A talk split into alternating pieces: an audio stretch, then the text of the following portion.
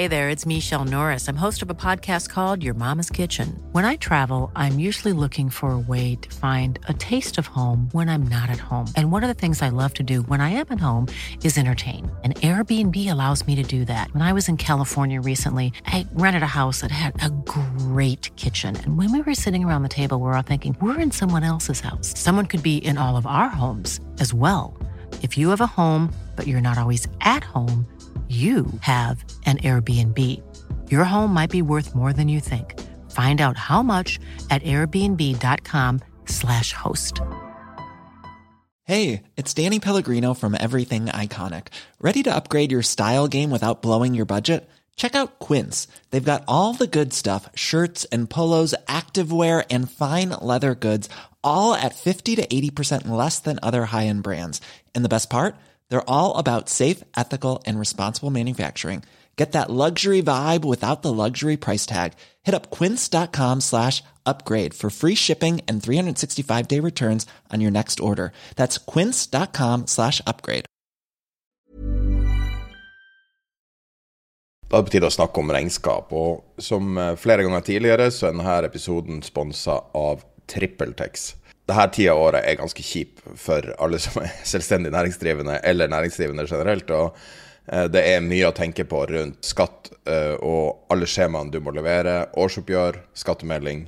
Du vet nøyaktig hva det er hvis du har vært eksponert for det. Hvis du har TrippelTex, så er årsoppgjøret veldig lett.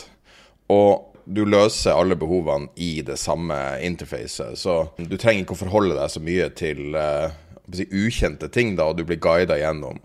Uh, mange ting går automatisk, og du får veiledning gjennom hele systemet og oppfølging, og du har jo alltid noen du kan spørre på support, som uh, erfaringsmessig er utrolig behagelig å ha. Så innleveringsfristen for skattemeldinga er jo 31. mai, veldig viktig. Og da kan du gjøre som jeg tror det var hva det er, 70 000 andre nordmenn, og bruke TrippelTex.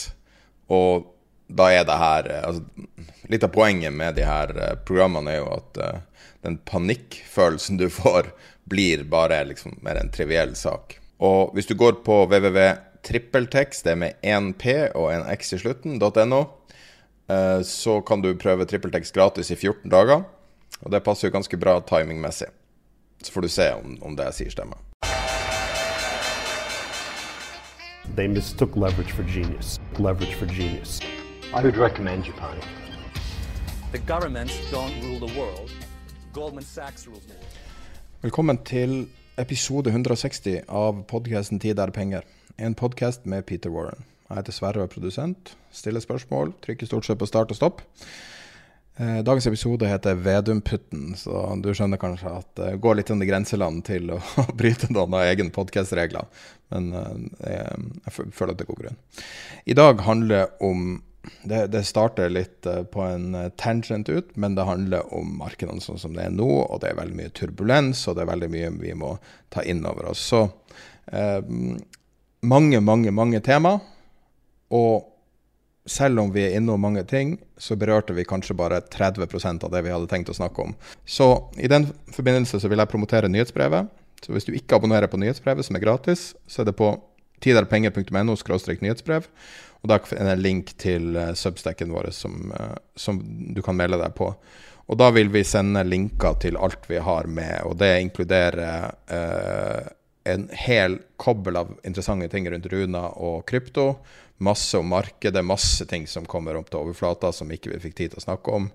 Eh, så abonner på nyhetsbrevet. Denne, det her, og jeg føler at det forrige også, var eh, verdt som et eh, verdifullt eh, tilskudd til podkasten, fordi at vi, vi, kan ikke lage episoder som er tre-fire timer lang. Så det er derfor vi bruker nyhetsprøve. Da tror jeg vi bare går i gang med episoden. Og uh, Peter hadde noe på hjertet, litt breaking news. Jeg tror det er egentlig bare å gå rett på sak.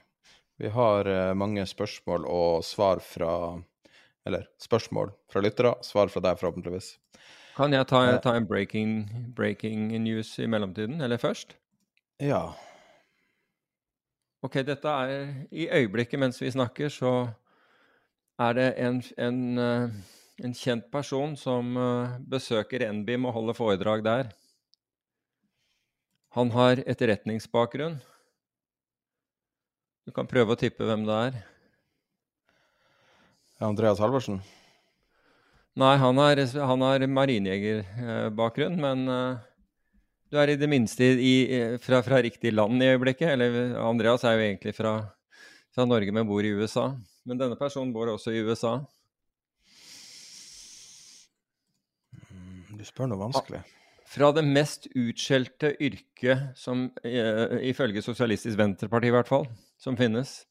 Politikere? Nei, de tror jeg er på nummer to. Advokater? Nei, hedgefond. I'm drawing a blank, altså. Ok, en hedgefond med- eh, hedgefondforvalter med, med etterretningsbakgrunn. Amerikansk. Hva er du? Er det her Snakker jeg med en uh, Er det deg? At jeg snakker med en, uh, et opptak nå? Nei, nei, nei. nei, nei. Um, um, altså, hvis jeg sier Jeg er litt sånn redd ting for å si navn, for jeg vet ikke hvem som har etterretningsbakgrunn og ikke. Nei, OK, sånn, ja. Um, han eh, Nei, Det er jo alle sammen. Det er Han er jo, veldig, han er veldig han er filantropisk. Matematisk orientert. Og norsk. Nei, Å ja. Og Jim Simon, selvfølgelig. Det visste jeg jo. helt riktig. Jeg trodde du sa en nordmann. Jim Simons Verdens beste investor. holder foredrag hos NBIM i, i øyeblikket. I Oslo. Grunnlegger av uh, Rentec, Renaissance, Renaissance Technology, verdens mest suksessrike hedgefond. Mm. Men ikke hvis du ser på prosenten, men når du da tenker deg at de casher ut hvert eneste år Mm. og capper fondet, Ja. da skjønner du hvor verdifull de er. Og, Ja, ja, det er ingen som har kommet verken før eller siden. Men blant annet av det han har, eh, han har påpekt, er at, eh, er at modellene deres, som er da i Altså dette er jo rent modellbasert handel. Altså rent matematisk, algoritmisk. I utgangspunktet ikke high frequency, men jeg, jeg tenker at liksom modellene deres kan bevege seg ganske raskt. Men der har bl.a. altså lookback-perioden, altså som, som de bruker altså I algoritmisk handel så ser du jo litt tilbake i tid, for, altså henter du data ikke sant, for å beslutte hva du skal, hva du skal gjøre i, i nåtid. Men der bl.a. påpeker han at den er blitt vesentlig korte, eh, kortet ned. Fra måneder til dager. Og det forteller litt om hvordan verden har utviklet seg. Så beslutningene, de, de eh, investeringsmessige beslutningene som, som eh, modellene deres foretar, baserer seg nå på noen få dager med data, mens de tidligere brukte flere måneder med data. Det er interessant. Jeg syns også det er eh, utrolig interessant at, eh, at han er hos, uh, hos NBIM. Det er jo liksom altså, Man tilføres jo ekstremt med kunnskap.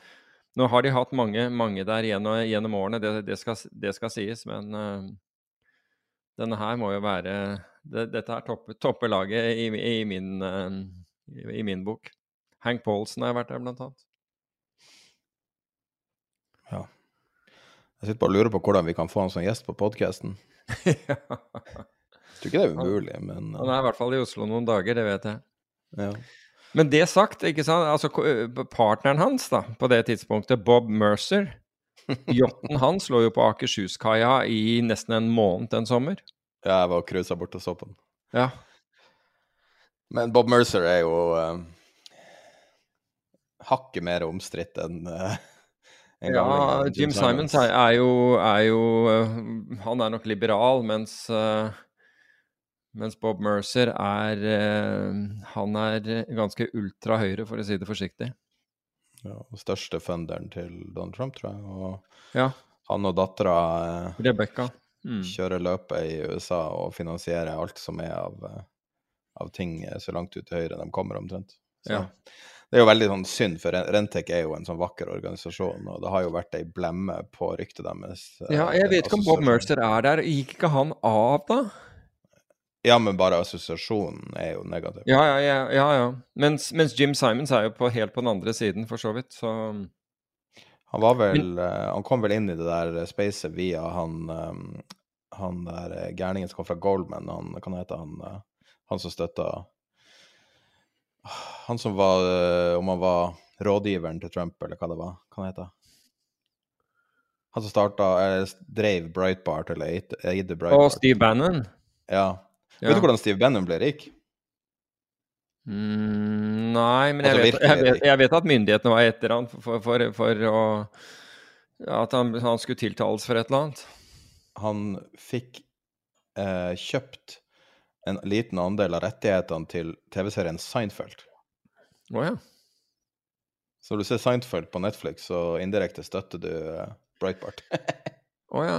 Men Steve Bannon har jo en podkast nå, og den er jo For det første er den jo sånn ultrahøyre, men den er også ultrakristen.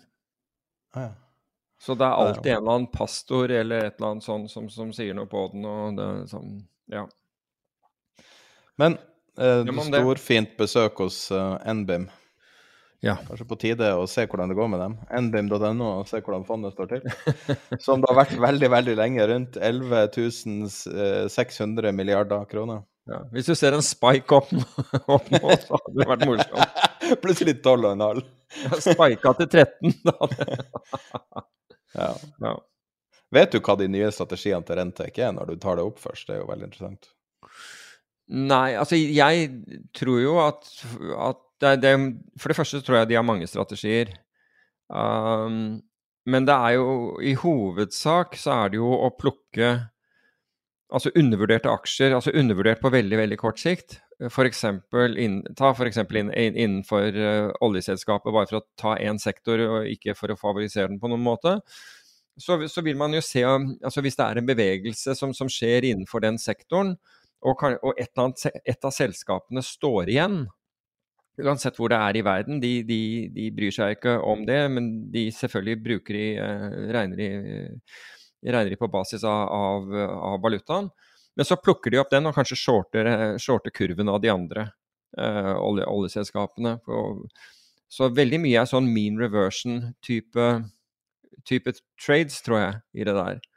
Så, og baser, basert på korrelasjon. Altså dette her De ser noe som da fraviker den korrelasjonen som, som, dette, som, eh, som aksjen har, eller, og, og så gjør man det. Og, og hvis du ser nedover for øvrig nedover listen på de som shorter på, på Oslo Børs, nå husker jeg ikke om Rentek er blant dem, men, men Citadel er der, og Volian er der, og DE Shaw er der, og Aspect og disse her. og så så ser du at narrativet går at å, disse onde shorterne de driver og shorter, og, det, og, og hvis vi går imot dem nå, så, så klemmer vi dem ut og alt det der, så får du en sånn GameStop-effekt.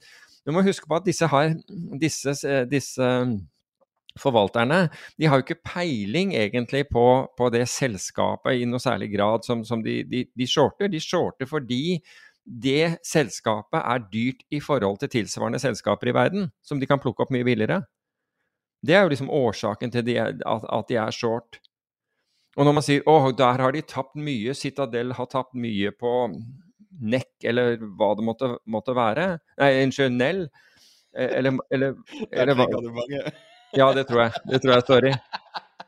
Ja, e- eller hva det måtte være. Så må vi huske at, liksom, at de har en annen side til, på den handelen. At det er ikke netto short Nell fordi de har et stort, eh, kraftig liksom, synspunkt på akkurat det selskapet. Det er bare at de mener at det selskapet hvis det er, altså nå, nå vet jeg at det er en av de mest shortede, men hvis det er av, av, av den type Citadel og og De Shaw og Volian og disse her som jeg, jeg nevner, dette er jo maskinlæringfond, eh, kunstig intelligensfond. De har bare funnet noe som er billigere i akkurat samme eh, all, i akkurat samme kategori et annet sted, og så, så gjør de seg markedsnøytrale. Så Det er det som foregår. Det er ikke liksom noe sånn drama rundt at nå skal vi liksom knuse det selskapet. Ikke i det hele tatt. Bare så det er sagt. Nei, eh, men, men det du beskriver med Rentek, eh, faller det fortsatt under din definisjon av eh, StatArb, Statistical Arbitrage?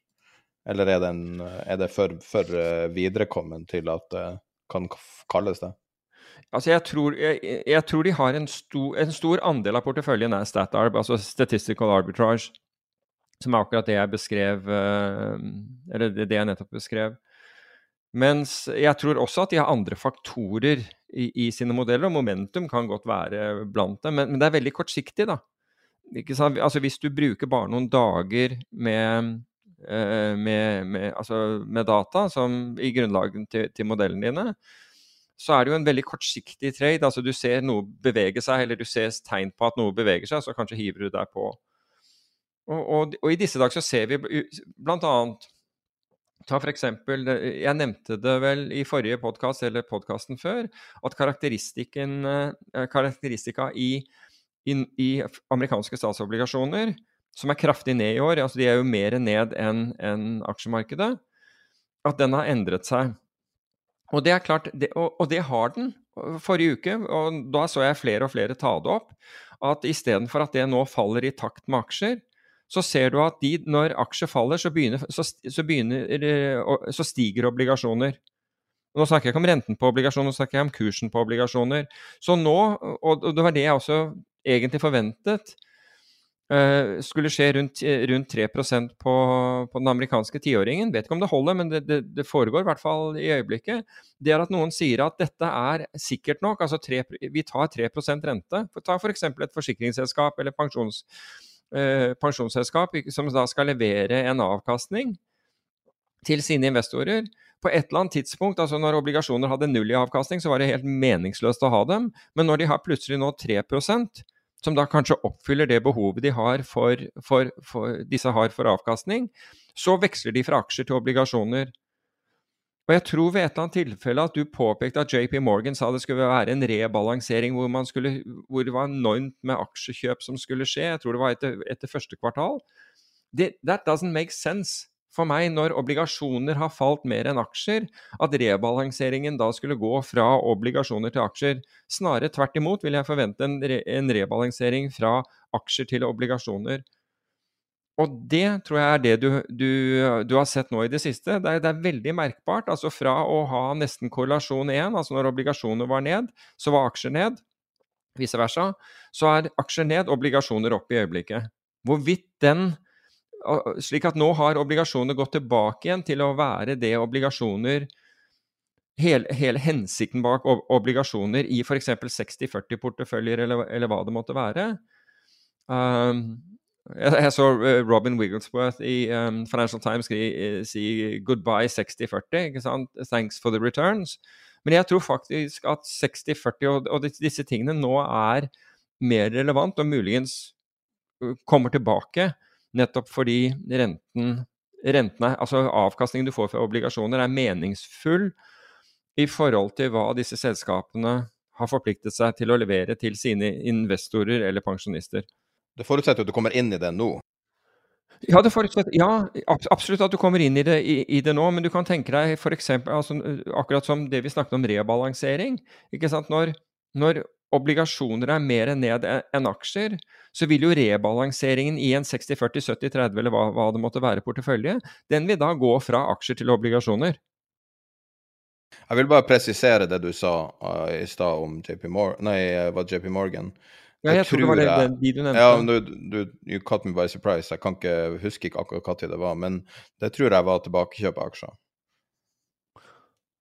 Ok. Jeg, jeg det var ikke rebalansering, hvis jeg okay, husker. Men, men okay, det er litt for upresist til at jeg kan sjekke okay. det. My, my bad, hvis det var jeg ikke, kjenner ikke til at uh, den type sentiment fra, fra, JP Morgan Jeg kan ikke huske at jeg har sett akkurat det du beskriver. Ok, At, at det skulle være til, At liksom man skulle bare sette i gang store tilbakekjøp av aksjer? Ok. Ja, nei, altså fortsette. Det var um, det var rundt Høyere eh, rente tilsier at det er mer kostbart å kjøpe tilbake aksjer, så jeg vil jo tro at det Jo da, men trenden er jo at uh, så, Du så jo det kravet som kom fra en, en moderat stor Tesla-investor, som er nå må du kjøpe tilbake aksjer. Og hvis ja. et selskap der du ikke burde kjøpe tilbake aksjer, som jeg ser prisen akkurat nå er 666 Uh, Igjen? hadde den vært 66, så ville jeg kanskje sagt at det var en god idé. Men ja. å kjøpe tilbake aksjer for et selskap som bare teoretisk er profitabelt, det syns jeg høres ut som uansvarlig eh, drift. At du kan bli saksøkt det. Sist gang kursen var 666, så, så, så, nevnte jeg det, tror jeg, enten i Facebook-gruppen eller et eller annet sted. Altså Facebook-gruppen til de der penger. Og da det resulterte i at noen av disiplene fikk frika helt ut. Hva ble forbanna, eller, eller? Jeg ble forbannet fordi jeg hadde nevnt det. Ja, men det, altså, det er jo som krypto. Det er veldig vanskelig å si noe riktig. Du blir, eh, du blir utskjelt uansett. Ja, Men skal, vi ta, ja. skal vi starte podkast, eller stille spørsmål og svar? Jo, men, men skal jeg bare ta om, om krypto og Galaxy mens jeg er i gang? Kjør på.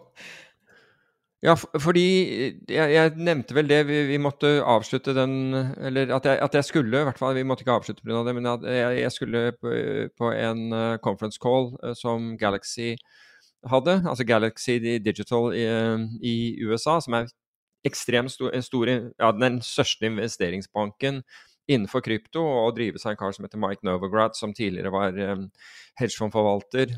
Satt i, satt i New York for noe som heter Fortress Investment Group. Men i hvert fall Og dette var i forbindelse med da denne stablecoinen som, eh, som sprakk. Og de snakket ikke egentlig om sin egen eksponering, som du lurte på, men vi vet jo at de hadde uh, ganske eh, betydelig eksponering i, uh, i, i den, den som sprakk. Altså enten Luna eller, eller Tether. Men det de det de snakket om, var jo at de andre stablecoinene holdt seg. Altså, var, de, altså de hadde kommet tilbake igjen til peggen og, og forlot aldri særlig peggen. Det er denne algoritmiske stablecoinen som, hvor det sprakk. Men samtidig kunne de registrere at da dette begynte å falle, så kjøpte automatisk modellen, altså algoritmene, kjøpte bitcoin som sikkerhet for for, eh, eh, for stabiliteten, om, om du vil. Og hadde da akkumulert, så, de, så det fins verdier der ute. Det er helt opplagt. altså Denne stablecoinen var vel Husker, ikke hva, husker du hva siste prisen på den var? På hvilken? Ja, altså Luna eller, eller Tether? Uh, ja, Tether er jo Jeg følger Tether nå uh, bare for å se om uh, peggen ryker, fordi at det er jo Altså Tether nå er den mest sunne, det sunneste i forhold til peggen. Det er 0,9992. Ja, det beste har vært på en god stund. Sorry, det var Luna jeg tenkte på. Ja. Ja, det må Jeg har det straks. 0,0001934 dollar. Skal Ja. Men ut poenget- så- Nei, det er flatline, altså. Ja, nettopp. Jesus, Men poenget som de sier, er at, er at det er verdi i den, da. Altså, de, den har, har verdi. De sier, ikke at, de, de sier ikke at man skal kjøpe den eller ikke, men den sitter jo da fordi de lurte på blir disse bitcoinene solgt. Men det har ikke blitt, så det fins noen verdier her. Så, så de, de som er smarte og kan dette her, klarer sikkert å utnytte det på en eller annen måte, men Ja, du må bare være veldig, denne- veldig forsiktig nå. Fordi at folk Ja, ja, må ikke ja. kjøpe Luna, altså. Det Jo, jo, men at de, jeg har ikke peiling på dette, men de sier altså, at, at disse bitcoin-verdiene ikke, ikke har blitt, blitt solgt ut igjen, og at de kan se den på en, eller annen, på, en eller annen konto. Men hva det betyr, altså hvor mye det betyr, det, det har jeg ikke noen peiling på. Men jeg fikk jo, jeg fikk jo også dette Galaxy, en mail fra Galaxy eh, tidligere om, om dette her, og, og hva som foregikk. Og hvis jeg bare kan få lov å lese opp av, altså forklaringen så, så er det Much of this withdrawal amount ended up bridging from Terra to Ethereum via wormhole to be swapped to other stables using the wormhole V2 UST 3 pull on curve. Altså, det er, det er sikkert noen av dere der ute som sier å, det der, at det der var, var som, jeg hadde, som jeg hadde lest opp eh, eh, teksten i, eh, i Ja, vi elsker, eller hva som helst annet, at det gir mening. Men for, for meg så er det der ren kryptografi, altså. Jeg, jeg, for meg er det helt ok. Ja, men det er, det er ikke sånn at jeg plutselig er, sier det er en setning som er konstruert for at du ikke skal forstå den. Ja, det var det jeg tenkte. Det er akkurat som når leger snakker på et annet språk bare for at du ikke skal skjønne hva du sier, eller at du bruker Ja, koder. ja, det var nettopp fordi det, det var der jeg var. Stammespråk kalles det. Ok, er det forklaringen? Da er jeg helt med. Det er, okay. kun, det er kun for å se smart ut de gjør det der. Min Ja, jeg skjønner. Um, altså det, men, men altså Luna er jeg ser, Det er veldig tragisk med Luna. Jeg ser at folk har forsøkt å kjøpe dippen i Luna og tape liksom huslånet sitt. Altså at man ikke har lært etter noe fall 99,9 det, Mm. Men det er jo like tragisk. Altså. Så det, det er veldig skummelt. Ehm, Jeg begynner Men også å sted, tvile på det er jo en algoritmisk altså I forhold til Tether ikke sant, så er det noe, er det noe algoritmisk styrt.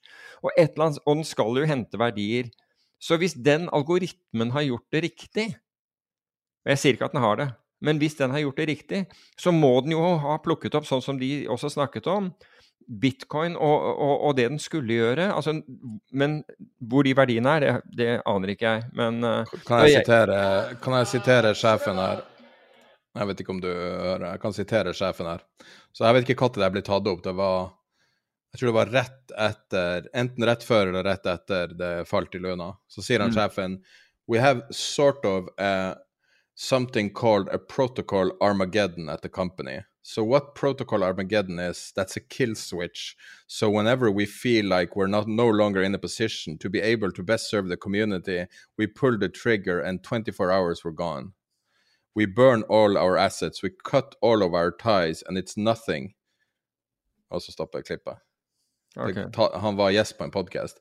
Og, og de her tingene her Altså, for å være helt ærlig, så begynner jeg å bli, bli bekymra for at denne karen er reelt kriminell. At det her er noe alvorlig galt. Når du hører ja. de tingene han sa før det her smalt. Mm. Men, men jeg, jeg, tenker Altså, du, du har påpekt dette tidligere, at liksom det er når det er, det, er i, det er, når vi ser verdiforringelse, altså kursfall, at svindler og andre ting dukker opp. Ikke sant? Og det, dette kan Altså, jeg sier ikke det, for jeg har ikke, noe, jeg, jeg har ikke teknisk eh, kunnskap nok til å vurdere dette i, i, det hele tatt, men det virker jo liksom helt vilt på meg. Men Og så sier man uh, alt, dette skulle vært regulert. Men hvis du ser til det regulerte markedet, som var London Metal Exchange og Nikkel, så skjedde det også en Altså, når de da Når de eh, kansellerte 4000 handler de, de, bare slettet dem.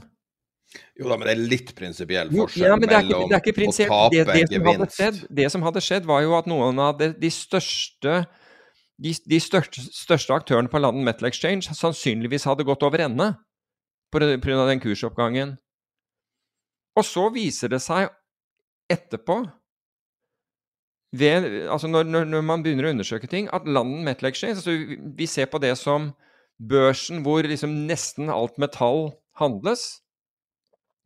Den står kun for en altså Det viste seg etterpå at den sto kun for en, for en femtedel, altså 20% av handelen i nikkel. Slik at disse swapper, som vi har vært inne på tidligere, som ble deregulert av amerikanske finanstilsynet, det går i swapper 80% går i, i, i, uregulerte swapper. Og dette er, dette er, et finansielt instrument som tidligere var regulert, og som man bestemte seg Nei, det skal vi ikke regulere lenger. Jeg, jeg føler bare at hvis det er én ting verden har demonstrert med denne nedturen Hva den heter den nedturen, forresten? Har vi, har vi noe navn på det? Den som er nå? Ja. Nei, jeg har ikke sett noe, noe navn på den at mye, altså mye fungerer jo her. Da. Altså det er jo det som ikke fungerer. Altså, dette var ikke for å gjenta, men, men når, når man sier at man burde ha regulert, og hvem var det? Var det Lagarde som Nei, var det Lagarde som snakket et eller annet om, om uh, krypto, at krypto egentlig var verdt null og burde vært regulert. Okay, men Hvis det er verdt null, så trenger vi ikke å regulere engang. men Det er en annen sak, men det, det er jo ikke verdt null uansett. Uh, altså hun, Janet Yellen syns å, å, å, kunne mer om dette her enn en Lagarde, men det er en annen sak. Normalt sett så, så, så, så liker jeg uh, Lagarde, men jeg syns det der var en, var, var en uh, brainless statement. Men, men, apropos regulering. Altså, disse valutaene, altså disse kryptovalutaene som nå dundrer til null, det er jo ikke noe annerledes det enn teknologiselskaper som gjør det samme. De er regulert, de. Hva med det? Altså, Begynn å se til det, det som Annerledes er jo economic value. Det er jo det som er en grunnleggende forskjell. Jo, men du vet, ikke, du vet like lite om economic value på noen av disse kryptovalutaene som du, som du gjorde på noen av disse selskapene. De selskapene burde være null verd, men eh, per def, så hvis du starter et selskap, så målet ditt er å skape mer economic value enn du putter inn i det. Jeg, håper, jeg håper at det er målet. Jeg tror at det også er skapt selskaper som, som, som bare er ideer, og som nå rett og slett for å kapitalisere. Ja, og Den tiden er i hvert fall over uansett nå. Altså jo, ja, jo, den tiden er over, men mitt poeng var at det skjedde i regulerte markeder. Det skjedde her i Norge, på, på Euronex Growth. Helt regulert marked. Det, det, skjer rett foran nesen på the regulators, men det forhindrer jo ikke at, at det går sånn. Så når man da skal regulere krypto for de, så, så vil jeg si at da burde Altså, hva, hva hjalp det å være regulert i, i, i uh, regu, Regulert når, når, når, når uh, en rekke selskaper har akkurat samme utvikling? Hjalp jo ikke det. Jeg er litt fan av det skatteetaten gjør, der de øker Det er en setning man ikke hører så ofte, tror jeg.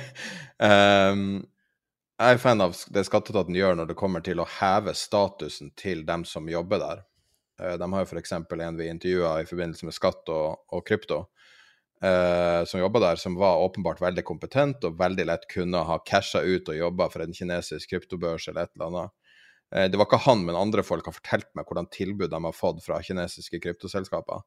Og det er helt insane. Altså, det er nesten sånn pensjonere seg på to års lønn omtrent. Altså, det er helt utrolige tilbud de fikk for et halvt år siden. Men at sånne folk velger å gå til det offentlige, syns jeg nettopp understøtter det at hvis, hvis, Finanstilsynet hadde Nå vet jeg ikke om de har Kanskje de har oppnådd det samme, men jeg vet spesifikt Skatteetaten. Uh, og det første du må gjøre, er å øke statusen på sånne yrker, sånn at folk vil jobbe der i stedet for å jobbe i, uh, uh, altså i, det, i det private. Ja, altså jeg er ikke uenig i det. Men uh, det leder meg fort inn i den der Borten Moe-diskusjonen som vi, vi, hadde ved en anledning, og som ble ytterligere aktualisert nå forleden. altså. Eh, nå Nei, husker du, husker du, ikke altså, Tangen kunne da ikke ha noen som helst investeringer i fond. Det var ikke uh, da han gikk inn, og han kunne ikke engang få lov å investere i, sitt, e, i det fondet som han hadde startet etter at han sluttet i i NBIM. Det, det, fikk han ikke lov til. Mens Borten Moe var olje- og energiminister, som da, når han sluttet som det, gikk rett over og, og, og startet et oljeselskap. Var med på å starte et oljeselskap. Og ingen bryr seg om det. Og nå er han minister igjen, riktignok ikke, ikke olje og energi, men en som bestemmer om investeringer i vindkraft. Nå sitter han fortsatt som storeier i et oljeselskap som da egentlig konkurrerer med, med, med, vindkraft, i hvert fall sånn energimessig. Og så nå skal han sitte og beslutte, beslutte det. Og jeg mener, integriteten til Ola Borten Moe kan være helt absolutt 100% Det tror jeg den er også. Ja, men poenget mitt er det, Men det tror jeg Tangen sin er òg. Men hvorfor behandlet man Tangen så en drakonisk som man gjorde?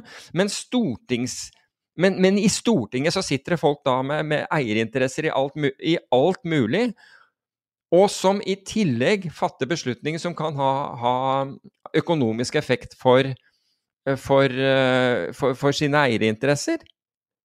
Og ingen reagerer. Really? Jeg mener, det for meg er, det er helt det, det er helt uforklarlig. At ingen tar opp det og sier Du, er dette her helt riktig, ja?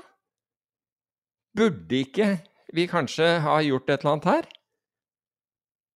Det er så, forskjell, det er så forskjellsbehandling mellom det som, som Tangen måtte gjennomgå i all offentlighet, og det som gjelder tydeligvis for stortingsrepresentanter, at er, jeg har ikke ord for det engang. Altså.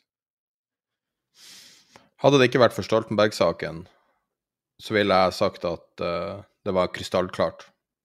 Jeg syns hele saken med Stoltenberg muddied the waters.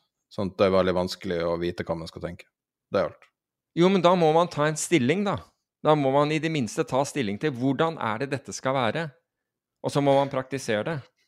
For folkevalgte. Jeg, jeg, jeg, syns, jeg syns det er ekstremt lite korrupsjon i Norge.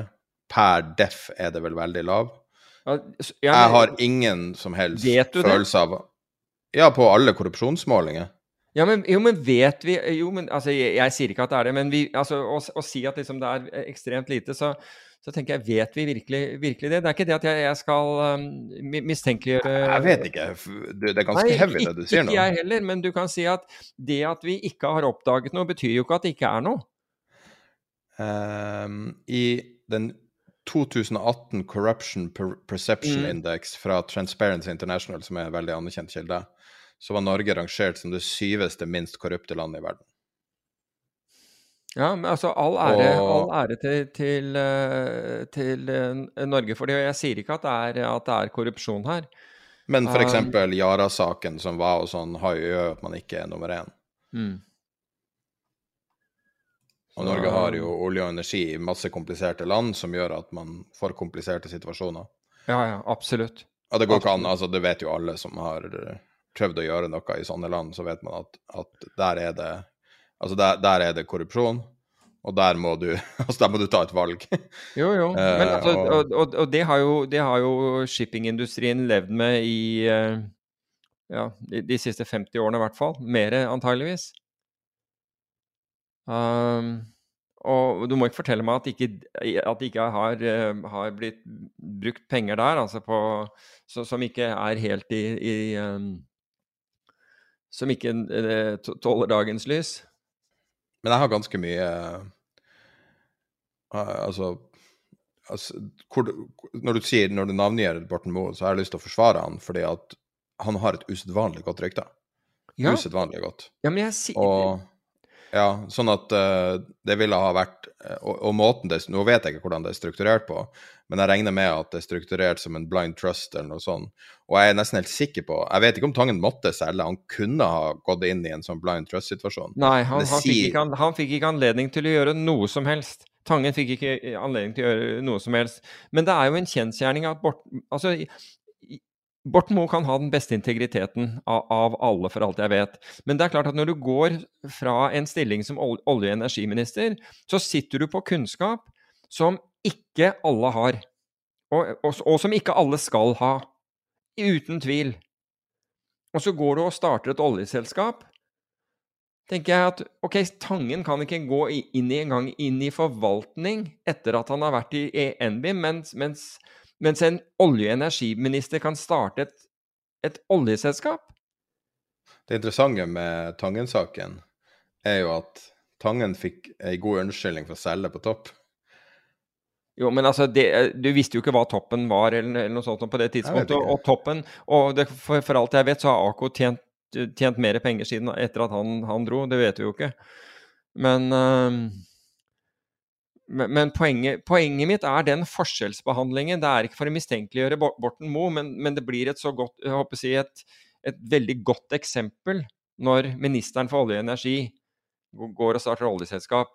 Da blir det et godt eksempel. Og kommer tilbake igjen til regjeringen med samme investeringen, samme eierskapet, og, får, og skal fatte beslutninger om, om, faktisk om energirelaterte saker. Eller kan påvirke, eller påvirke, kan, kan påvirke det. Um, så er det jo, er det jo et, altså Ingen kan si at det ikke er et, et dilemma der. La, la oss anta og tro på at Borten Moe har den beste integriteten. Han ville aldri gjøre noe som helst. Han ville aldri bruke denne informasjonen. Ok? Men nå har du skapt Lex Borten Moe. Og det vil si at hva med, hva, hva med nestemann? Eller neste kvinne som kommer? Nå, nå betyr det at du har skapt en, en, en, en, en presedens for hva du kan gjøre, og hvordan du kan, kan opptre. Det er ikke gitt at alle som innehar disse stillingene i, i fremtiden, har, har, eh, har like høy integritet. Det har jo vist seg, bare for, det, bare for å nevne det, at mange som sitter på Stortinget, ikke har den forventede integritet. Det har vi jo sett i en rekke saker. Jeg bare nevner det. Håper ikke Borten Moe blir sur på meg, for det er ikke ment å Det er ingen mistillit til ham. En, men en, men, jeg, men det, er, det er en viss mistillit til systemet. Det er det. Og forskjellsbehandlingen, først og fremst. All livet dette er. Apropos forskjellsbehandling, skal vi ta det når vi først er inne på brannfakler? Nei, jeg skal ikke ta nye saker. Jeg bare så en overskrift i går på NRK, så sjokka meg helt. Hva var det? Men uh,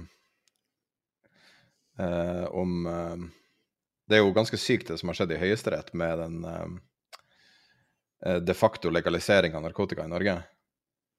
Men det som er så sykt, er jo at du blir belønna hvis du er avhengig. At du ikke blir straffa. Men jeg leste artikkelen så tenkte jeg, ja, hva skjer hvis du ikke er avhengig, da?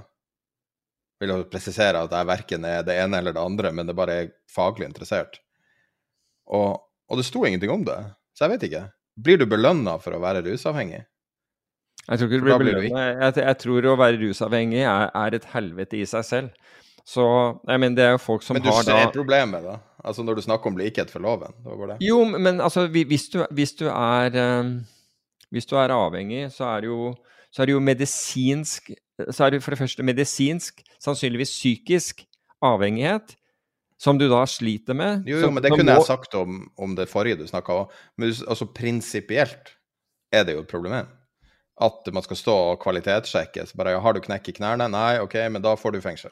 Altså, jeg, jeg skjønner hva du mener. Det bare føles som at det er så, det er så mange institusjoner som, som må eh, være tydelige på, både i finans og alt rundt. Altså, du snakka om Stortinget som, som har hatt sine problemer det siste året, og, og regjeringa som har hatt troverdighetsproblemer nå, og, og forrige regjeringa som hadde sine masse problemer. Og, og, og alle, det er så mange institusjoner i Norge som på en måte er i forsvarsposisjon.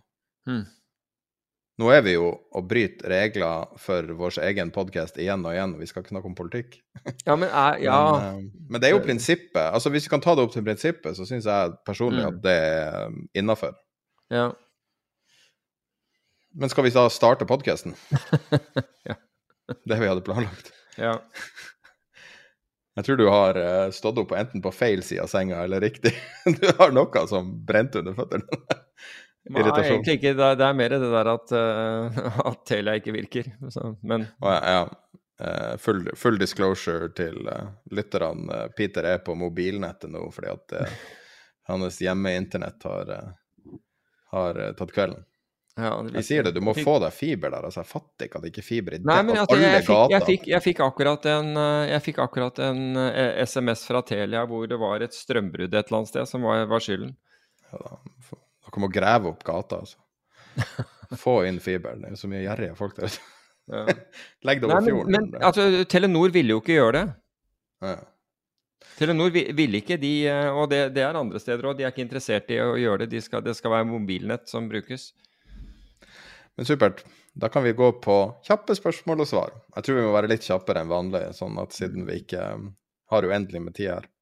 Så eh, det evige spørsmålet det siste året har jo vært rundt Melvin Capital, det fondet som egentlig ingen hadde hørt om i, i nevneverdig grad før eh, Vet du hvor navnet kom fra? Nei. Bestefaren til uh, Gabe Plotkin. Ja, tragisk. Fred Melvin. For de har lagt ned eh, fondet, eller er i ferd med å legge ned. Og så fikk vi et spørsmål om det. Hva har skjedd det siste året? Hvor mye har investoren hans tapt, og tror du Plotkin kan fortsette, eller er han ferdig? Altså hvor mye han har tapt? Altså han hadde 8 milliarder dollar til, eh, eh, til forvaltning, og så tapte han 55% på én måned på den GameStop. Så ble forvaltningsselskapet i hvert fall refinansiert, og så endte han året ned 39% Og så, altså bare for å ta hvor mye han har tapt, og så har han tapt ytterligere til og med april i år 23% i år. Så det har gått ut noen penger der. Det er, det, det, er ingen, det er ingen tvil om. Men Gabe Plotkin selv, altså i Var det i 2017 Da tok han ut 300 millioner dollar i Altså, da tjente han 300 millioner dollar til seg selv. Da var, eh, da var fondet hans opp 41% Så dette er jo en fyr som eh, eh, Som har vært i vinden. Altså, Gabe Plotkin kom da opprinnelig fra SAC Capital, som var Steve Cohen. Som jeg tror han ble ansatt der i 2006 og gjorde en karriere der. Og i 2014 så starter han da eh, Melvin Capital. Uh, med bl.a. hjelp fra Steve Cohen, som, som skyter inn 200 millioner dollar. Og så har han da hatt flere år med 40 og 50 uh, avkastning. I 2015 hadde han vel over hadde han vel 50% eller 55% avkastning, og i 2020 hadde han uh, en veldig høy avkastning. Og så går han på trynet med denne med, med, med GameStop. Og så beslutter han altså Egentlig så ville han at eh, den high watermark, som betyr at du må tjene inn, inn tapet før du kan ta suksesshonorar, forsøkte han å få investorene til å, å, å, å droppe det. Men det var så upopulært at det, det, at det, måtte han slutte med. Men samtidig så begynte investorene å innløse, så ca. 50% av investorene hans har innløst fondet per mai og juni. Og ja, det fondet legges ned, og han er ferdig, men som det, men, men, disse gutta dukker jo opp i en eller annen sammenheng igjen.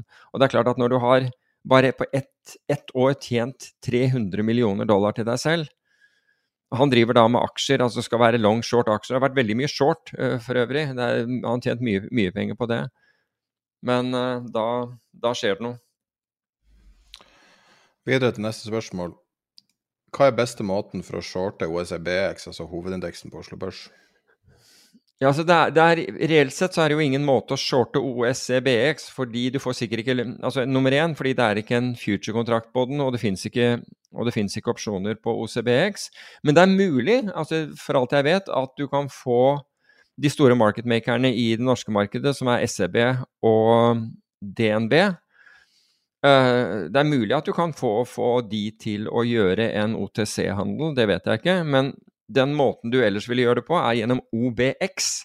Altså de 25 største selskapene på, på Oslo Børs. Og at du vil, for der finnes det futures og, og, og um, opsjoner.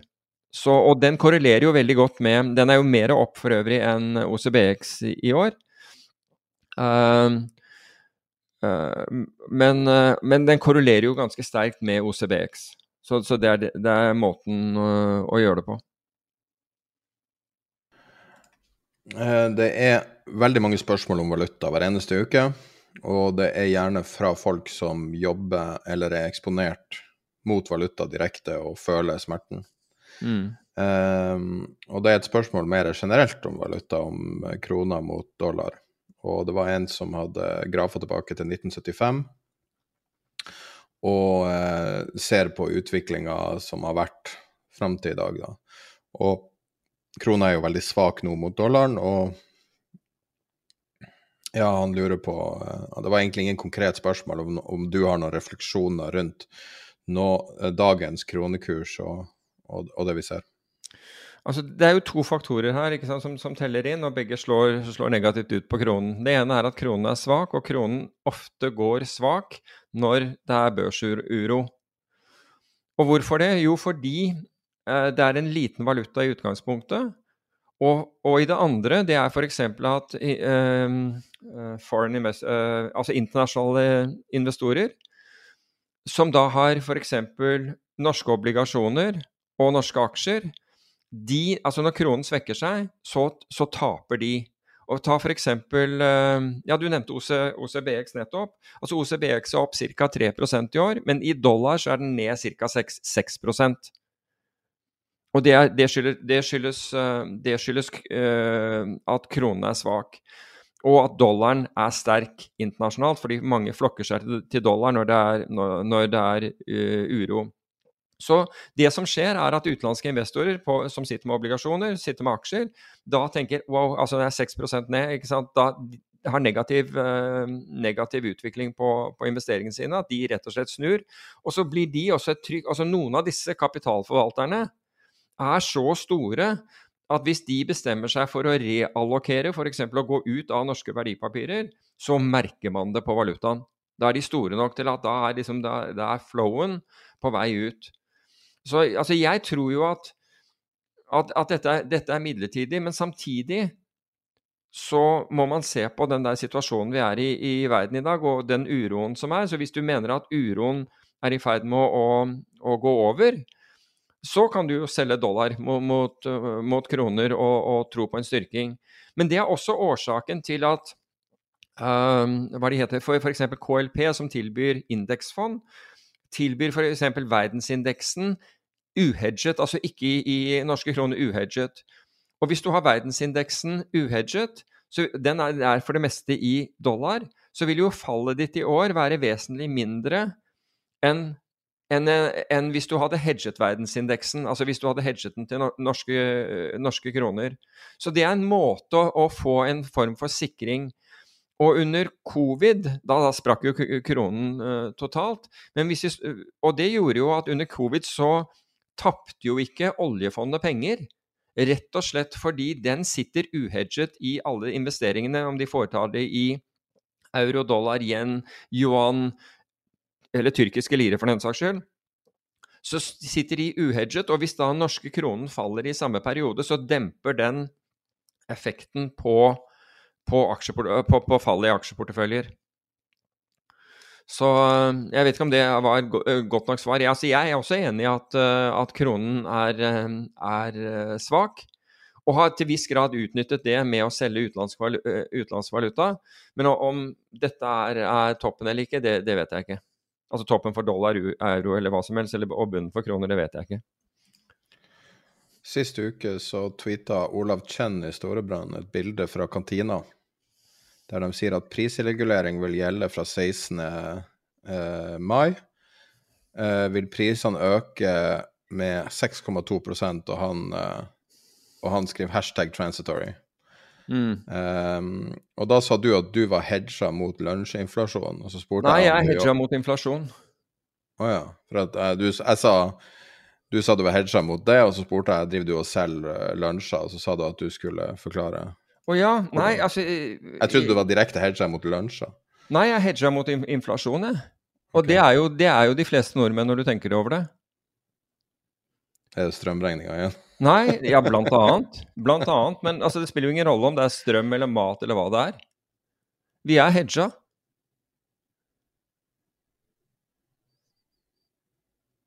Ja. Du vil vite hvordan, eller? Ja, gjerne. Vi har Vedum-putten. Vi har garantert reallønnsøkning i år. Så hvis du ikke har det, altså hvis du mener at, at uh, utgiftene dine er høyere, høyere, enn det, så er det jo bare å sende regninga til, til, bort til Vedum. Det, det, er som, det, er jo som, en Fed-putt. Han har jo gått og sagt at det blir reallønnsøkning i år, så da, der har du en putt-opsjon på, på, på, Vedum.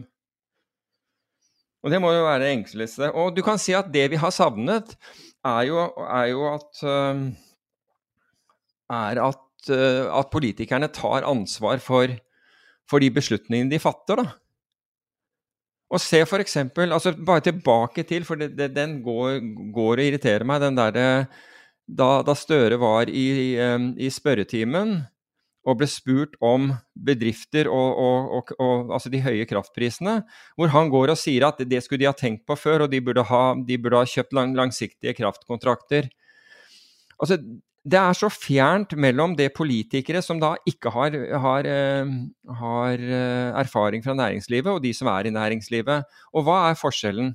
Jo, for forskjellen er at når en politiker gjør en blunder, være seg uh, uh, Altså hvor, hvor, budsjettet blir vanvittig overskredet, eller man får ikke inn penger, så tar ikke polit... Det, det har ikke noe no følge, det, for politikeren. I verste fall. I verste fall, hvis det er nesten på, på, på, det kriminelle, så sykemelder man seg. Det kan, ikke, det kan, jo ikke, folk i næringslivet gjøre, fordi de må holde bedriften i gang. Men det er i verste fall. Men hvis, ikke, hvis en politiker bommer, så betyr det så, så, er det ikke slik at man ikke får inntektene. Altså hvis man bommer på, på, på inntekter i budsjettet, da bare setter de opp skattene og avgifter. En bedrift kan jo ikke gjøre det, kan ikke bare sette opp, kan ikke bare øke prisen. Det, er, det fins et marked der ute. Og det er den store forskjellen mellom de beslutningene som politikere tar, og når de, når de totalt bommer, f.eks. sender strømmen ut av landet, så, eh, som da gjør at Altså den ineffektiviteten som har vært i strømsystemet i Norge, i kraften mellom nord og syd, og det at man ikke kunne, eh, kunne overføre, den har vært der hele tiden, og folk i kraftbransjen har snakket om den i årevis. At det har lønt seg for Statskraft å være ineffektive. Men strømmen har kostet så lite at, brydd, at det har liksom ikke vært noe som vi har tenkt på. Men nå når vi faktisk ser det, og samtidig du, du, du åpner med flere kabler til utlandet, så blir jo disse da, da plutselig ser du hva dette betyr. Men er det noen som tar ansvar for det? Nei. Nei da, man påpeker at, at andre også var med på, på beslutningen. Og så, og så, sauses hele greia bort. Mens Næringslivet må, må, betale, og bedrifter vil ikke starte, og, rett og slett fordi det er ikke grunnlag med, de, med, med høye strømpriser, og andre må legge ned. Og, det, altså, og, hvis en stor bedrift legger ned slik at man virkelig kjenner det på, på, på skatten, og det vil jo antageligvis være kommunalt og ikke nasjonalt, vel, så, man noe, så setter man opp noen avgifter for, for, å kompensere for det. De har alltid den der muligheten å sette opp avgifter. Største avgiftsøkningen på 25 år. Så det er den store forskjellen mellom oss, og, og derfor så tenker jeg den der Vedum-putten, den har jeg virkelig lyst til å bruke. Den, den bør folk bruke. Garantert reallønnsøkning. Right. La oss sende regningen. En lytter har uh, tatt ut en graf av M2, altså M2 Money Supply, som er da penger i omløp for USA og Norge. Og uh, ser da at uh, der følger hverandre ganske tett fram til 2020, der USA spiker litt. Nå tar vi også høyde for at det kan være en, en teknisk årsak til det her, men jeg tror nok det er en ren covid-støtte. og da lurer den lytteren på om det her var triggeren for inflasjon. Så i praksis det han spør om, er ble inflasjonen skapt i løpet av de siste to årene? Ble det skapt i løpet av det siste året? Ble det skapt siden 2008? Hva er din mening om det? Altså, jeg mener at det er, det er en kombinasjon av økt pengemengde det, det, altså og, og, hensikten med, med, å øke pengemengden var jo, ska, var jo, å skape inflasjon, men da med et mål på 2 i inflasjon. Men så, så, pøser man på og pøser man på, og så ser man på en måte at det rikker seg ikke. Og så øker du mer, og så rikker det seg ikke, og så øker du mer, og så rikker det seg ikke. Og i neste øyeblikk så, så har, du et, har, du et, snøskredd. For plutselig går det med, med så mye tyngde. Så ja, jeg tror at det er en av årsakene. Men ubalansen som har vært i investeringer, er også, har også skapt dette. Så det er, det er, en kombinasjon. Altså det at man f.eks. ikke har investert i, i råvarer da, i veldig liten grad, for råvarer har ikke vært veldig lønnsomt å investere i. og det, Nå snakker jeg om et bredt utvalg av råvarer. Har ikke vært lønnsomt å, å investere i, og dermed så har du underinvestert i noe som du plutselig får bruk for. Og, og den, den, denne Nå ser vi Altså, vi, vi, vi fikk en krig i Europa som da påvirker ikke bare energibalansen, men også matvarer i stor grad. Og, og det kan bli, og, og, hvilket man også frykter, at det, skal, at, at det blir for lite mat, at det blir sultkatastrofe, hvis ikke Ukraina klarer å få eksportert eh, sitt korn. Så hvis man ikke klarer å, å få det ut, så, så, varsler jo en del av landet i Midtøsten, men dette vil antageligvis også gå videre østover, og vi kommer til å kjenne det vestover også, men rett og slett matmangel. Vi kan ta litt oppdatert informasjon på det. Ja, kom igjen. Um, så i helga uh, så publiserte jeg tror det var Telegraph en artikkel som sier at uh, verden har ti uker med hvete igjen. Og um, det er det jeg, jeg, gikk inn og så på når uh, høstinga starter i USA. USA er jo et veldig stor uh, hveteprodusent. Og det starter i september. Kanskje så tidlig som august, hvis det virkelig må. Men sånn at Og jeg vet ikke hvor mange uker det er. sånn Ja, er det ti uker omtrent? Litt mer enn det. Ja, rundt ti uker. Og, uh, og så, mens vi starta Eh, akkurat når vi starta episoden, så kom det et utsagn fra ukrainske presidenten Zelenskyj som sier at de er i samtale om å bruke baltiske havner for å eksportere um, hvete. Eller grain generelt. Så det er den nyeste informasjonen. Ja, altså det er jo, det er jo et faktum at, at vi mangler At vi, vi mangler Altså det kommer til å mangle mat. Og og så har du dette med energi, og, og, det har jo med altså Vi kan ikke drive og repetere oss selv til det uendelige, men det har med det grønne skiftet å gjøre. At det gikk så raskt og, og brutalt.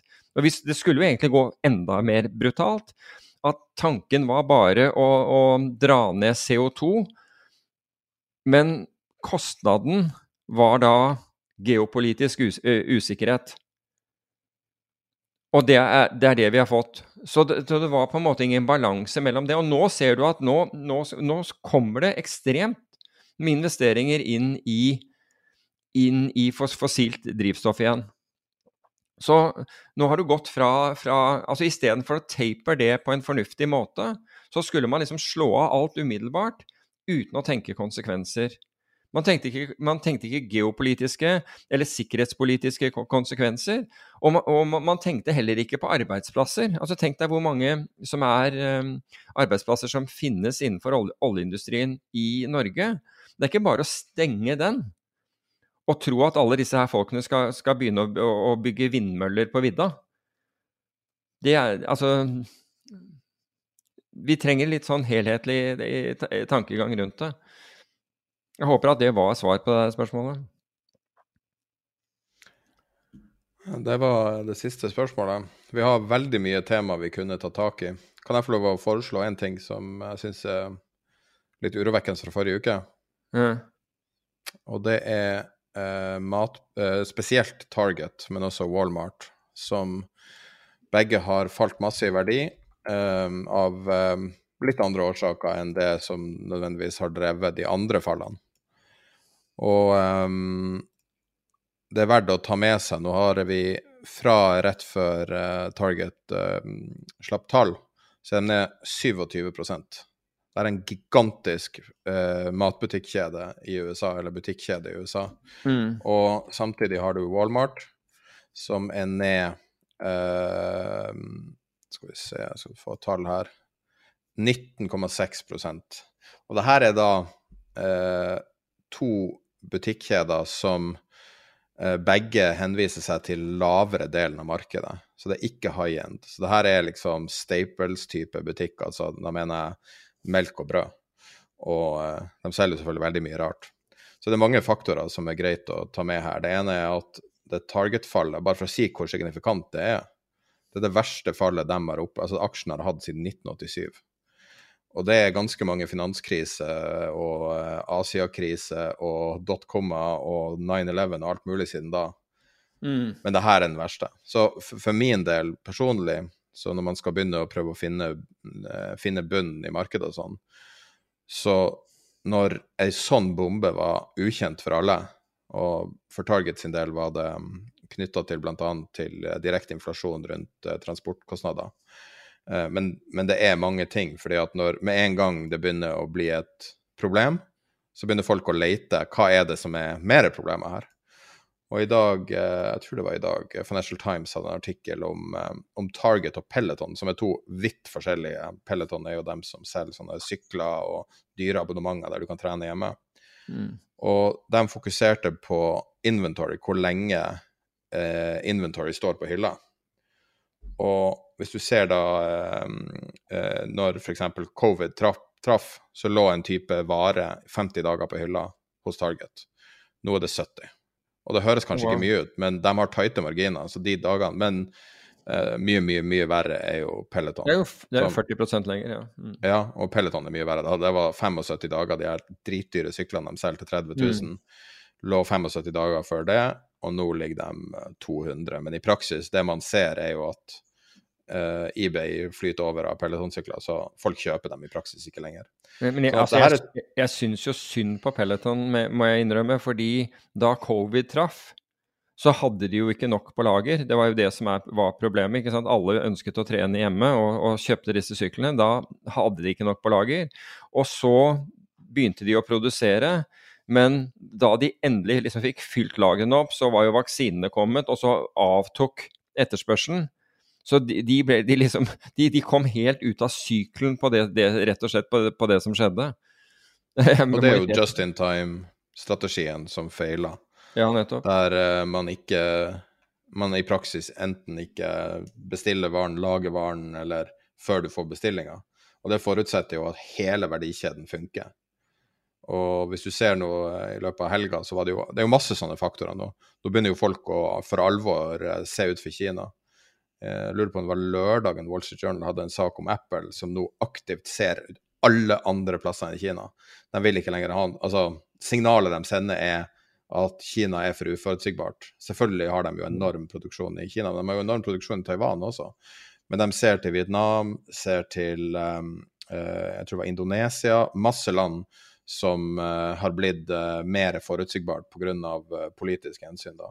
Og, og Tim Cook, jeg vet ikke om du kjenner til det med, med, Kina, han har jo en veldig spesiell rolle og vært veldig delaktig og hatt direkte personlige samtaler med Xi Jinping og vært veldig eh, viktig i å forhandle fram de her avtalene med Kina. For, så han er, han er, så pro Kina som det er fysisk mulig å være. Og, og, det at de signaliserer at de, vil, at de ikke stoler helt på produksjonen, det, det er et datapunkt som er verdt å ta med seg. Biden uh, skrudde jo til litt, litt i dag med å altså Nå så jeg uttalelsen i dag, det må jo vel ha vært gitt i går kveld, eh, regner jeg med, hvor han sier at USA er forberedt på å forsvare Taiwan med militærmakt. Det vil jeg jo si er å, å, å, å skru opp varmen en, en, del. Men samtidig så, så bekrefter jo ja, bare til det du, du nettopp sa om Target og Walmart og for så vidt Peloton, IMF bekreftet jo det i løpet av, av helgen, hvor de, de sa at, at, det er, at, det er, stor fare nå fordi man har en situasjon med fallende vekst og økende inflasjon. Og det, det bekrefter jo, altså, og det, det, ser vi jo, eller du kan si de tingene du sier, de, de bekrefter jo den, den uh, vurderingen som nå IMF har klart å, å, komme til, eller konklusjonen de har kom, klart å komme til. Um, et spørsmål til deg, apropos det du uh, Apropos det du uh, Ja, altså sier noe det, det forrige temaet. Er det noe du har lyst på av varer, noe du trenger, som du ikke har? Et seriøst ah. spørsmål. Nei, altså Nei, altså som du virkelig trenger? Ja, noe kan du drømme om at uh, eh, F.eks. så var det i lang tid mange som tenkte å, jeg skulle ha elbil, ny, fin elbil. Eller at jeg skulle ha en uh, treningssykkel, eller Skjønner du hva jeg mener? Er det noe ja. du mangler? Du, altså, det ble solgt 400 000 flatskjerm-TV når det kom. Ok, Nei, altså, nei altså, i det daglige så føler jeg ikke at jeg, uh, at jeg mangler noe. Um, jeg gjør ikke det. Nei. nei, for jeg har inntrykk av at alle sammen har det sånn. At helt fra topp til bunn så har folk det de vil ha. Og det som jeg så en tegneserie der det var noen som satt og så på sånn CNBC eller et eller annet, og så sier de ja, nå er det viktig at vi stimulerer til forbruk, og så sitter en kar og ser på TV, og så er det bare hele gulvet bare flyter over av leker til ungen, og alt, hele bare rommet er stabla opp med ting mm. de ikke trenger eller bruker. Mm. Og det traff meg litt, for det er jo virkelig sånn verden er. Og, og, vi er jo litt sånn, nå er jo babyboomerne uh, går av med pensjon. Og babyboomer-generasjonen var jo på en måte den første ordentlige forbruksgenerasjonen der man uh, i stedet for å, altså for å komme i bedre humør, så kjøpte man ting. Og det er at, at uh, retail therapy var en greie, liksom.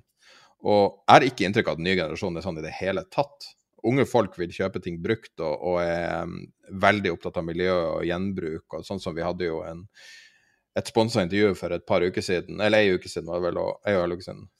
Nei, hva? Det var to uker siden, ja. Mm. Uh, om gjenbruk av, uh, av brannslukningsapparater. Og jeg tror at det er bare så vanvittig i tiden som noe kan være, at folk, unge folk nå uh, vil gjenbruke, vil være fornuftig, vil ikke forbruke. Så det er jo også en faktor når man ser Walmart og Target. Hva er det man egentlig trenger lenger? Mm. Og En annen ting er jo at prisene altså på, på, råvarer er nå så høye at, at, folk føler dette med gjenbruk. Altså du kan si at Jeg tror de fleste har tenker på, syns at gjenbruk er, er greit. Men så tenker de at nei, altså, så lenge du har grei økonomi og, og, ting ikke koster for mye, så tenker du ikke så mye på det, annet enn at liksom, du, du, har den holdningen til det. Men når du begynner å se prisstigninger på en del av disse varene, så er det klart at da, da, da har du et ordentlig incitament for, for gjenbruk. Og da, det er da jeg tror gjenbruk blir Altså bli, blir det nye. Det, definitivt fordi du ønsker det. Du ser at det lønner seg du føler på lommeboken i tillegg til eh, idealisme, for å si det på den måten? Eh, de siste tre-fire ukene så har du eh, snakka om norsk high yield, altså det vil jo Vi har jo mye både yngre og eldre lyttere som kanskje ikke er så vant til alle begrepene. Kan jo definere high yield, som er lån som er gitt i markedet i stedet for å, av en bank, som er stykka opp til masse investorer, der du generelt betaler høyere rente. Nå har det ikke vært så høy Ja, rente på det ja, det, lån er ikke gitt av en bank, det er, gitt av, det er jo gitt av investorer. Det er gjerne arrangert av en bank. Ja, det var det jeg sa, var det ikke? Ja, jeg syns det er gitt av en bank. Ja. Nei, ikke en bank, men av eh, private, Ja. og eh, det er stykka opp til masse investorer. Eh, vært den store, den store driveren av norske inntekter i eh, meglerhus og banker de siste ja, 10-15-20 årene.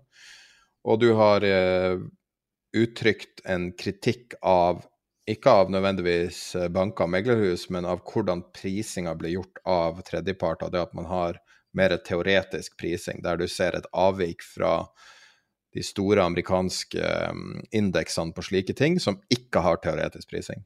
Og så skjønte jeg du fikk litt altså. feedback. Ja, altså i utgangspunkt som du sier, altså, det er de minst solide obligasjonene du, du kan kjøpe. Altså solide i form av, av, av sikkerhet for, for, eh, for lånet. Og det du har Og normalt sett, det du gjør da, er at du betaler en spredd, et risikopåslag, utover f.eks. statsobligasjonsrenten, som er da helt sikre penger. Men det du gjør, altså, så det du gjør i og med at disse obligasjonene har så liten sikkerhet som de har, det er at du får aksjerisiko, men med obligasjonsavkastning. Det er high yield. Og så kan du, altså Når du tenker på det sånn, så, så, så, så det er nesten aksjerisiko på det. For det er bare aksjer som har mindre sikkerhet, for det er egentlig ingen sikkerhet. Annet enn inntektene til, til, til selskapet, selvfølgelig. Um, så du får nær aksjer i risiko med, med obligasjonsavkastning. Og som du påpeker, så de amerikanske indeksene på disse svinger vanvittig mye mer enn det norske, og det samme gjør de europeiske. Det er delvis grunner til dette, bl.a. fordi uh, i, i Norge så er det gjerne flytende rente på, på, på disse obligasjonene, kontra det er mer vanlig med fastrente i- ute. Men poenget mitt, og det vi oppdaget, det er at det er, et, det er et selskap, et norsk selskap som priser disse obligasjonene. Og, og, og I forbindelse med dette her så, jeg, så kritiserte jeg også meglerapparatet, men det er ikke meglerapparatet som skal kritiseres når det gjelder prisingen av dem. Um, og det, og det var en lytter som, som, som påpekte, og det er helt, helt riktig, for prisingen skjer ved noe som heter Nordic Bond Pricing. De tar inn anslag fra meglere og beregner dette i en modell, og dette er, dette er eh, godkjent av Finanstilsynet. Og så kommer de ut med et estimat som de publiserer. Og det, det fins ikke et sted i verden hvor det angivelig er mindre fluktuasjon på prisingen, på prisene på, på disse obligasjonene.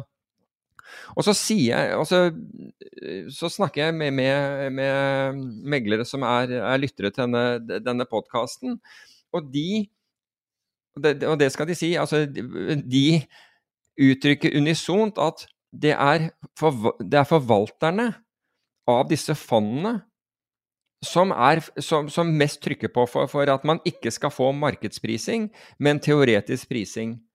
Og hvorfor vil du ha teoretisk prising? Jo, fordi hvis, hvis du kan hvis, hvis de obligasjonene tilsynelatende svinger mindre enn statsobligasjoner, til tross for at de har svært mye mer i risiko, så svinger de mindre, og du får bedre betalt, altså du får en høyere rente, så investerer folk i det. Og det skjønner jeg også, men det er en illusjon. Og når Nordic Bond Pricing klarer å prise disse med, med, med en volatilitet som er under 1 og nå snakker jeg om, om at disse fondene beveger seg, som kun består av high yield, eh, high yield eh, eh, obligasjoner, så, er, så svinger de da en syvendedel av hva f.eks. europeiske eh, obligasjoner svinger, tilsvarende, og amerikanske. Men som, og som noen påpekte, du må, du må, som, som sa til meg, du må også se på hvem det er som står bak Nordic Bond Pricing. Og det hadde jeg allerede gjort, men jeg, men jeg tok ikke det med i, for, i, forrige. Men det er 50% eiet av Nordic Trustee. Det er de som, som, er med på å lage avtaler, og som feilet grovt når det gjelder eh, Norwegian, og som feilet fullstendig i 2008. Men, men forsøker å gjøre en god jobb. Men den andre 50 eies av av Verdipapirfondenes forening. Så du kan snakke om at bukken passer havresekken her. Det er Verdipapirfondenes forening som eier 50% av de som skal prise disse obligasjonene. Det er for meg At ingen reagerer på det, syns jeg også er, er helt, uh, helt, merkelig.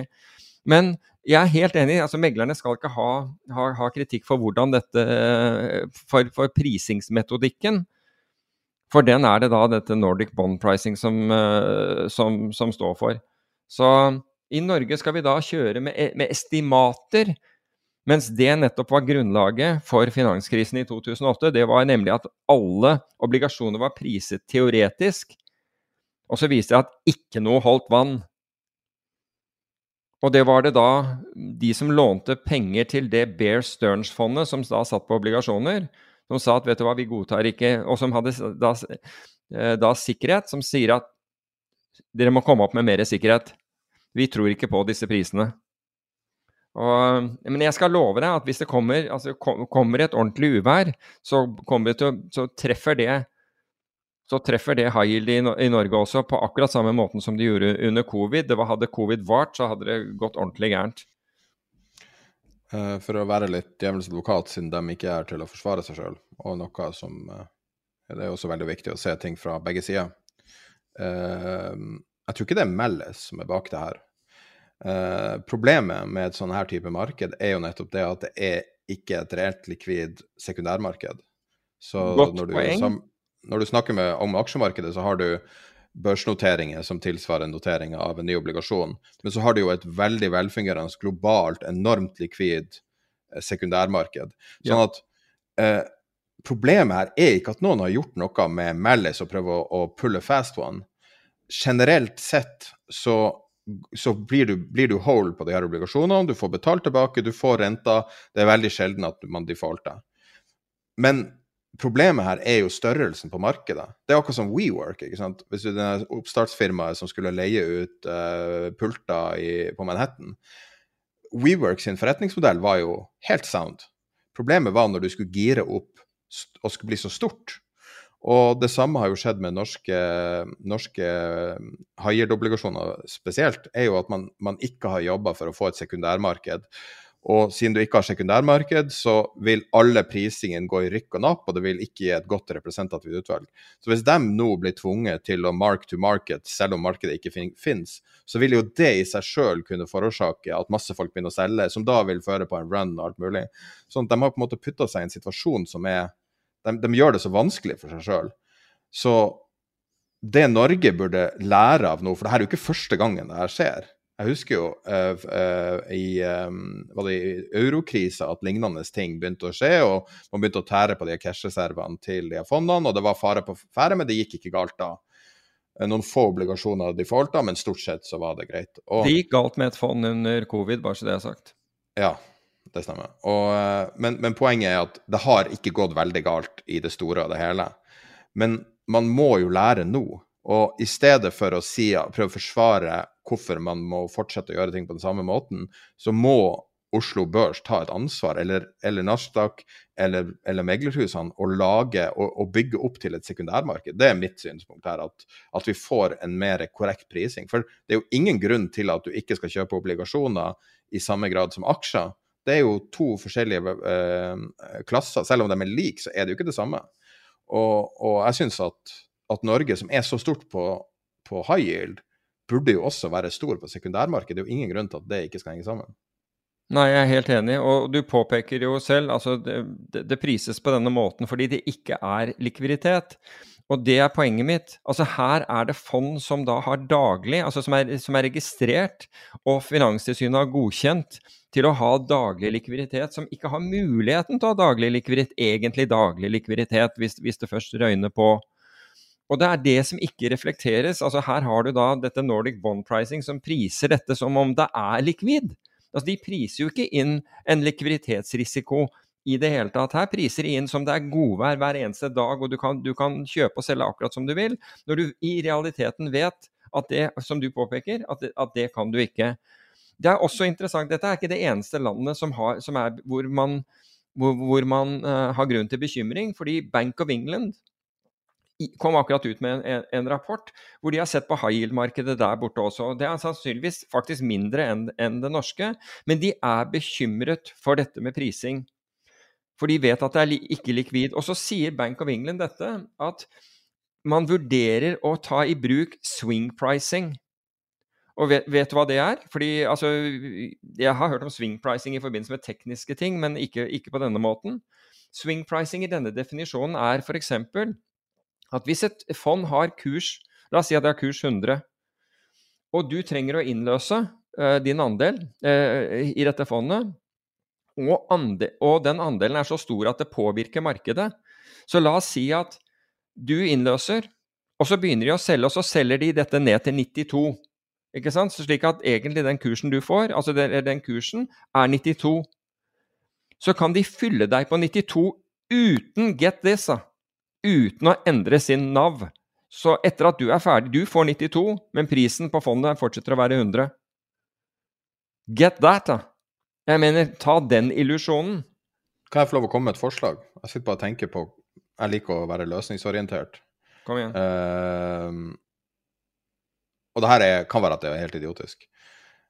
Hvis man hadde tatt initiativ, altså et eller annet eh, fremifra meglerhus som vil ha litt ekstra marginer Hvis man lager f.eks. en norsk versjon av HIG, som er da en high yield ETF, så vil man på den måten generere OK, det er ikke et perfekt sekundærmarked, men vil man ikke generere mer eh, likviditet i underliggende obligasjoner, og dermed mer riktig prising?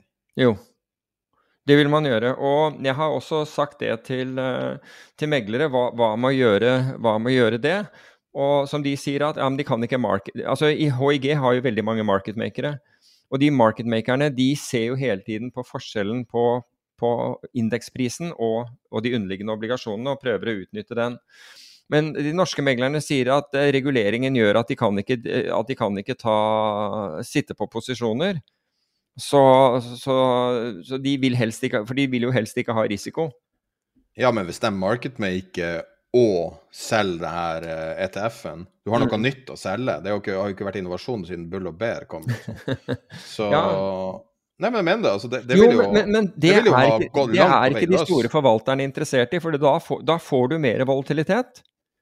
Og da vil, da vil, jo faktisk de investorene som putter penger inn der, begynne, begynne å, å, ta hensyn til at det, at det er mer volatilitet. Sånn Men vil ikke de sette pris på at, ikke, at, du, at, du, får en mindre eksplosjonsrisk? For det er jo altså, én ting er noe de bryr seg ikke, fordi de, de samler AU... Nei, men de gjør ikke det. De samler AUM, at de samler Hva heter AUM på norsk? Forvaltningskapital. De, de sanker forvaltningskapital, og, den, og, de får mer kapital ved at dette ser ut som det, som, som det ikke er noe volatilitet, og at du får betalt en høyere, uh, en høyere rente enn statsobligasjoner. Og med tilsynelatende samme eller mindre risiko. Altså, det, det, sier seg selv at det, Kanskje, det er... kanskje ikke. Nå putter du uh, ord i munnen til andre, da. Altså, det er jo ikke så mange Jeg gjør det, men, men, men, du kan si jeg, jeg, jeg, er, jeg, er, ikke alene om å påstå dette. Dette påstås også fra, fra, fra meglerhold, som på mange måter ønsker, uh, ønsker mer realistisk prising, de også. Men de, altså, altså Jeg er helt overbevist om at uh, når det gjelder du har, om, du, har, du, har, du har, kommet med sleivspark i en rekke retninger. Og når man snakker om politikere, når man snakker om uh, folk som er høyt oppe i organisasjoner, i norske finansorganisasjoner, så har jeg inntrykk av at det er ganske få bad guys. Og når jeg møter de her folkene i, i begge de her grenene, så er det ofte det at de eh, enten har interne politiske krangler med andre ansatte som gjør at det er vanskelig å gjøre ting, eller at de kanskje ikke vet eh, hva som er mulig og at intensjonen er god, men at det er vanskelig over til å gjennomføre det. Men med å lufte noe sånn her eh, i en podkast, kanskje man starter ballen og ruller, hvem vet? Jeg vet ikke, men, men, du, men du, kan si at du, du OK, så, så, hvis du For meg så vil jo, vil jo valget være med, mellom at du ikke er en bad guy, som du sier. Altså du ikke har økonomiske motiver for det du gjør. Det vil kanskje være en bad guy. Er du enig? At det, at... Jeg tenker eh, finance credit. Ja, nei, ja, men altså, vi er ikke der. Men, men, men, nei, nei, jeg bare sier det er en skikkelig bad guy. Ja, ja, det er jeg helt enig i. Men, du kan si at jeg tror at enten så har man økonomiske motiver for at, at det er slik det er, hvilket jeg vil, tror at det er, eller så skjønner du det ikke. Og det er Det er, faktisk, det er ganske artig at du sier det, for det, det her er argumentet mot Galaxy, som du snakka om tidligere. At enten har Galaxy solgt seg ut av Luna hele veien opp, samtidig som de har tatovert det på kroppen og sier at alle andre må kjøpe det, og da er en bad guy. Eller så satt de inne fullasta og gikk på milliardtap og er en idiot. Men sa, Du kan sa ikke være begge. Nei, men, men sa sa, ikke Mike Novogratz at han hadde tapt på det? Jeg kan si hva han sa, jeg har brevet her. Eh, for jeg mm, Skal vi se Altså, den, den eneste av disse Jeg kan si en som sa det. Han er E- Ethereum co-founderen. Er jo ikke lenger dollarmilliardær pga. det. Mens Ja. Pantera eh, skal ha hundredobla um, Skal ha hundredobla i Terra og casha ut. Ja, det, ja, ja, Der skal jeg komme med en liten korreksjon, fordi Pantera kjenner jeg veldig, veldig godt til. De alle Pantera hadde Da dette smalt, så var de ute av alt bortsett fra i ett fond, og det fondet hadde mindre enn 1% av Ja. Luna. Fikk vi også litt innsyn i avkastning. Eh, Binance-sjefen tapte 1,6 milliarder dollar på eh, Det var jo Binance primært folk kjøpte Luna gjennom. Og det var verdt 1,6 milliarder dollar, og nå er det verdt 2200 dollar. Men det er veldig viktig, det var noe du refererte til tidligere i episoden, som er at, eh, at folk har tapt Altså det er mye som er tapt, men det er veldig mye sånn på en måte eh, lekepenger som er tapt. Penger som er skapt ut av lufta de siste årene Mm. med pengetrykking og med krypto med alle de her tingene her som er så nytt. Sånn at i realiteten tapte han 3 millioner dollar, som var det han investerte i Luna i 2018. Ok. Så da får du innsyn i avkastning. 3 millioner til 1,6 milliarder, eh, Mm. Binance-sjefen. Men eh, jeg kan lese litt fra brevet. Men jeg, ehm, eh, når jeg leste sist, så så jeg ikke at han sa at Galaxy og, Mike Novogratz sa hva de hadde tapt. Ok, for jeg, jeg vet at Jeg trodde at um, Nov, For jeg fikk jo den, uh, den e-mailen fra, fra Galaxy, men så jo Så gjorde du meg oppmerksom på at to dager etter at Novogratz uttalte seg Og da så jeg at jeg hadde fått det også, men jeg har ikke lest den. Jeg trodde den var noe om eksponeringene. Altså, de, de, de sier at de har solgt noe på veien opp.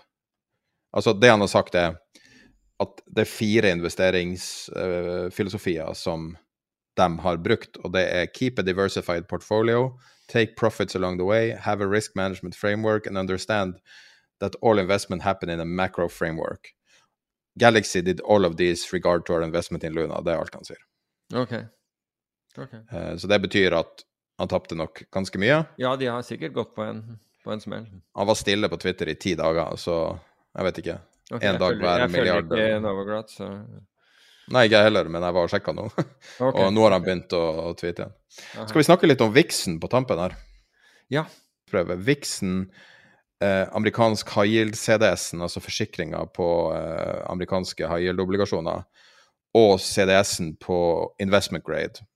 De tre indeksene har fulgt hverandre gjennom fjoråret sånn noenlunde. Mm. Korrelasjonen kanskje på 0,9, sånn tett korrelasjon. Og så kommer rundt 1. februar, når markedet begynner å virkelig kicke off, så går CDS-en på high yield og investment grade i takt opp. Interessant nok at de følger hverandre. Mens Vixen stiger litt, men finner en nytt på en måte, høyt nivå. Mm. Og akkurat nå er Vixen på 29. Hvis du ser på at eh, folk har tapt veldig, veldig, veldig mye, og det er masse tusen milliarder tapt, og både jeg og du har jo observert at det ikke er så mye frykt i markedet, på tross av alle de tapene. Så på en måte frykta er sånn moderat, viksen er moderat, markedet er masse ned. Hva er det som skjer? Ja, altså jeg har også lagt merke til det, og jeg skulle ønske jeg kunne svare på det. fordi det, det er sånn Det er spesielt det som skjer med viksen. For normalt sett, med den verdidestruksjonen du har hatt, altså du har da tapt i, i, i markedsverdi tre ganger så mye i, i Nasdaq-selskapene under dette fallet vi har sett nå, som under, som, som under eh, finanskrisen. Så betydelig verdifall.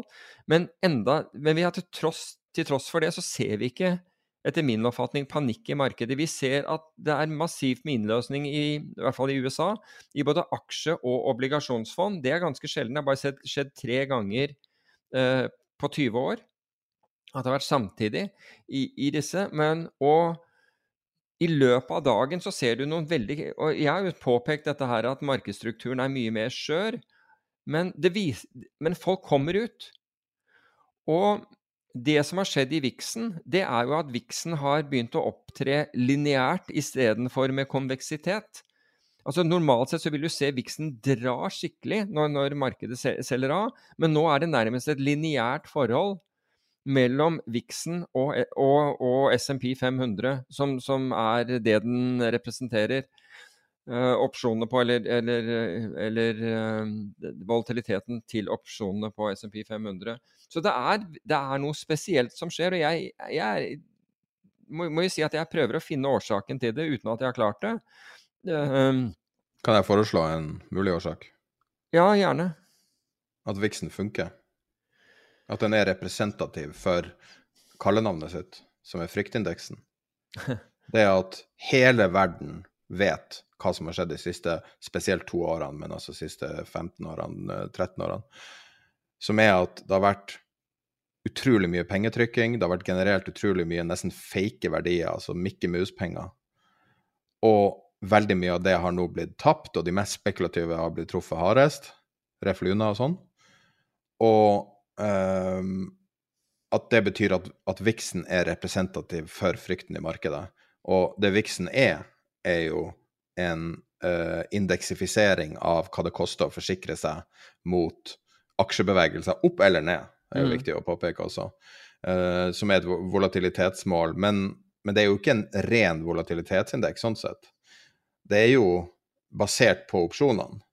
Så hvis frykten ikke er så høy som kursfallet skulle tilsi, ingen panikk, ingen store Ingen, ingen særlig historier om at folk som har tapt hus og hytte og alt sånt, annet enn dem som har gambla på en eller annen kryptovaluta eller noe sånn helt sånn galskap. Men, men, det er ganske lite sånn. og uh, har ikke hørt om en eneste person som har blitt arbeidsledig. Uh, det er liksom en stor nyhet at Netflix sier opp 1000 mennesker når de har uh, altså 10 6 av arbeidsstokken, liksom, som er veldig lite, selv om de har stupt på børs. Så hadde det vært finanskrise, så er det liksom sånn at alle bankene er i fare for å falle. Det er ikke sikkert vi har um, melk i matbutikken på mandag, som var det um, de sa i Kongressen. Uh, den, den uh, Det var vel helga etter Lehmann, tror jeg. Og, og når, når du har bare hatt Altså, du har hatt voldsom inflasjon, ja, i alt mulig.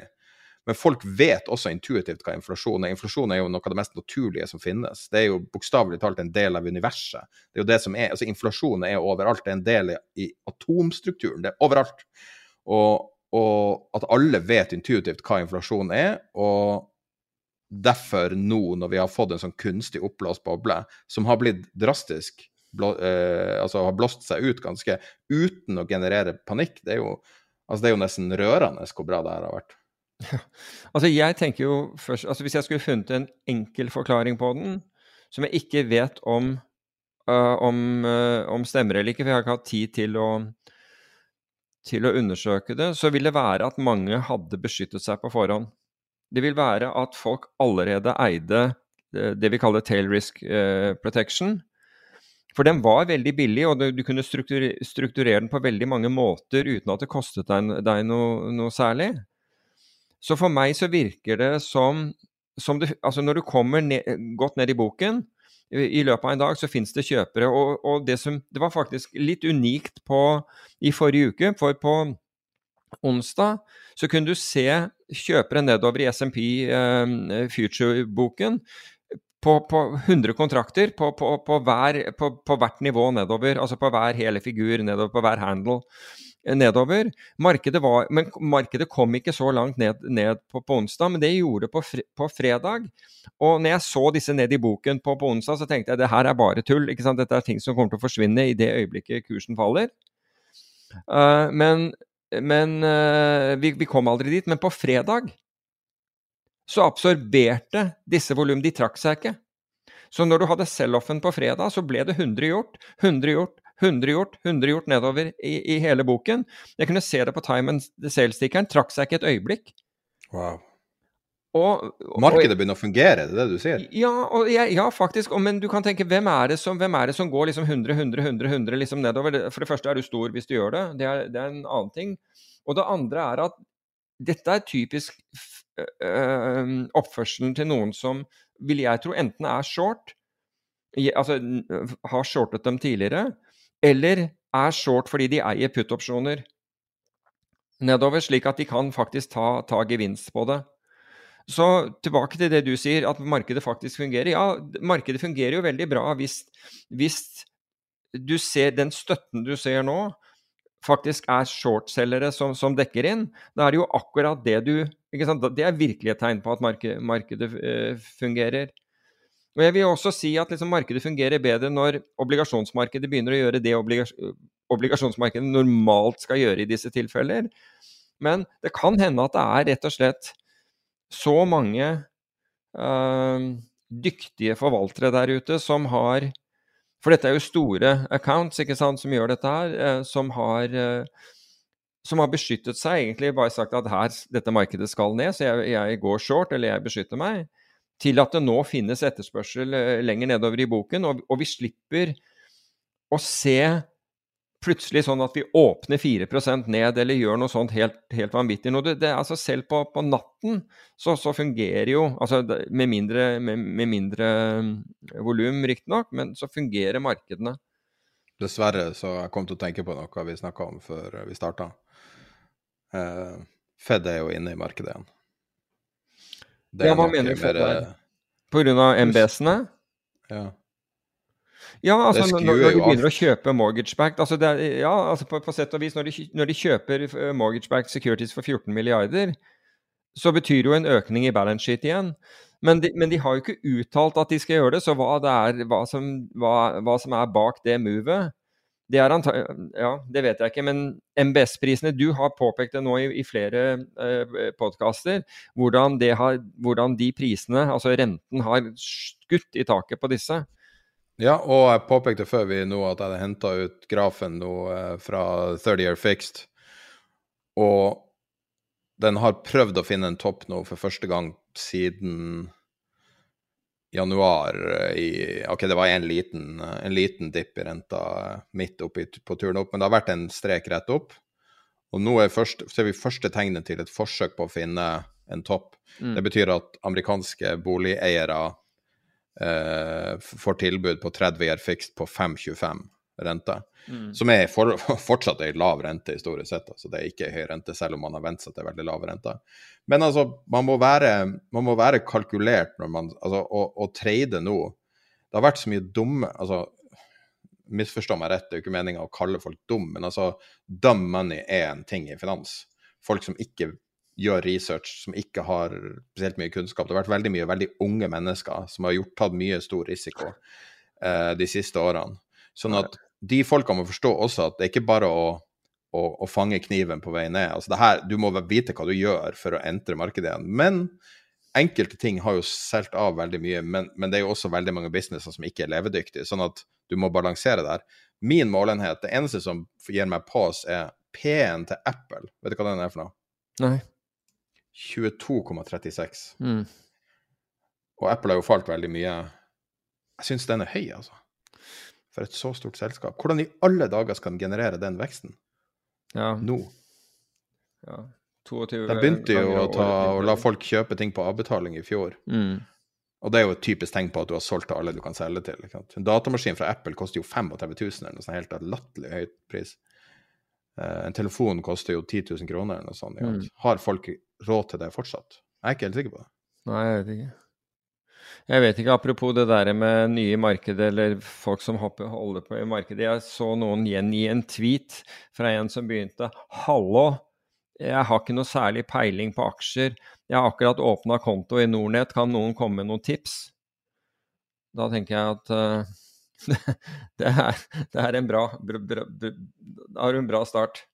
Da tenker jeg du, tenker jeg du får jeg, jeg, jeg, jeg, tipper at det var ikke mange som da kom med Du, jeg syns du burde ha, passe på å ha bra med likviditet, kanskje kjøpe noe Equinor eller noen sånne selskaper med inntjening. Jeg tipper at det bare spruta på med, med, med høyspekulative bets.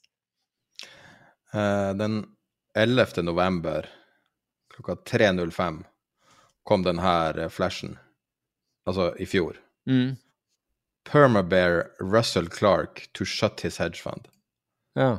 Hvor nær var det toppen, da? Nei, det var toppen. Akkurat. Er ikke det det mest trage? Altså, ja. og, og, og den uh, kommentaren en kar som delte denne flashen på Twitter, sa topp, punktum. Ja. Og det er jo klassikeren, da, som en eh, kontrær indikator. Skal vi se, 11. november, det var Siden da er SMP ned Og det er SMP, altså. 15,05% men uh, hvis du hadde bare uh, cherrypicka litt, så kan du uh, doble pengene dine hvis du er bearish. Jeg husker jeg, jeg var investert i en, en, en sånn shortselger, altså en som bare gikk short hedgefond. Og årsaken til at jeg investerte eh, investerte i ham, var at han, han faktisk ikke tapte penger på, de, på, på virkelige altså årene hvor markedet steg.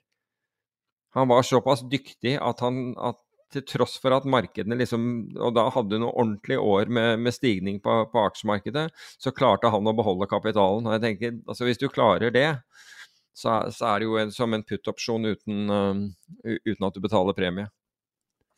Når du snakker om shortselgere, jeg satt, uh, sleit med å sove i går, så jeg satt og leste random research. Og så uh, kom jeg over noe fra Muddy Waters, mm -hmm. um, som er da en veldig, veldig vellykka shortselger som har spesialisert seg på Kina. Og han sier at han er i Vietnam nå uh, og jobber, og han, her sier han ehm, excellent piece on how unprepared MNCs are, altså ledere, are for the China crisis, og da sier han invasjonen av Taiwan, because they view Xi through a lens of previous PRC administrations. Exhorts uh, to develop contingency plan. Og det han sier er at i praksis er at alle som belager seg på Kina, sånn som Apple f.eks., må fra hans perspektiv eh, eh, reevaluere alt. Og jeg, jeg legger med den linken, det er fra et nettsted som heter chinadebate.com. Og normalt sett når det gjelder Kina-informasjon, om det er YouTube, nyheter, aviser, selv mainstream media, så må du alltid være veldig skeptisk til det. Man vet aldri hva man kan stole på. fordi det er, så, det, er så, altså det er jo ikke uten grunn til at fondene heter Muddy Waters. Men de- den kilden, siden det kommer fra han, tror jeg er til å stole på. Så jeg legger den med i nyhetsprøve, for det var veldig interessant å lese. Men basically, folk undervurderer risk, den politiske risikoen i Kina. Når du ser hva Kina gjør med covid zero, så virker det som de er villige til å gjøre hva som helst. Det virker å være helt, helt uten eh, fornuft. Men du, ap apropos det, vi, vi, vi snakket jo litt om, eh, om eh, Gabe Plotkin og altså Melvin Capital og dette, dette hedgefondet som blir lagt ned nå. Um, jeg leser en bok nå som, som faktisk er utrolig bra, og som handler om altså Husker du Brian Hunter, han som, han som blåste altså Jeg husker ikke hvor mange milliarder altså i, i naturgass? Altså Han var i hedgefondet Amaranth. Um, jeg husker jeg besøkte Amaranth, og Espen Gaarder Haug jobbet der faktisk litt. Men i forbindelse med det, i den boken så er også Espen eh, er det også noen sitater fra, fra Espen som er eh, Espen Gaarder Haug som, som er, er kjempebra, men som går på dette her at at man, at man må være forsiktig Altså, hvis forvaltere Du skal ha veldig solid integritet som forvalter hvis du har, hvis du har eh, en sånn profit split-modell. Og det hadde jo selvfølgelig Gay Plotkin. Altså fordi den, den basically, den, altså Hvis det er slik at du får 20% av oppsiden, som, som ikke er uvanlig i hedgefond Altså du betaler forvaltning, et forvaltningshonorar, og så 20 av, eh, av, eh, av positiv avkastning går til forvalteren, så skal du ha en forvalter som virkelig har integritet. Fordi, for, fordi den modellen egentlig få, er veldig lett for å få en forvalter til, eller inspirere en forvalter til å ta usannsynlig høy risiko. For hvis det går bra, så tjener jo denne forvalteren mye penger. Og det har vært eksempler på det i Norge. som da gikk over ende i 2008, ikke sant? med en gang du får det, altså, hvor de er i, i, i, i small cap-aksjer, giret herfra til månen, hvor det ikke fins likviditet, akkurat som vi snakket om med, med high yield, når det går gærent, men som sitter igjen med enorme verdier etter at hele greia har gått tapt. Heads I win, tails you lose. Ja, nettopp. Det er akkurat den.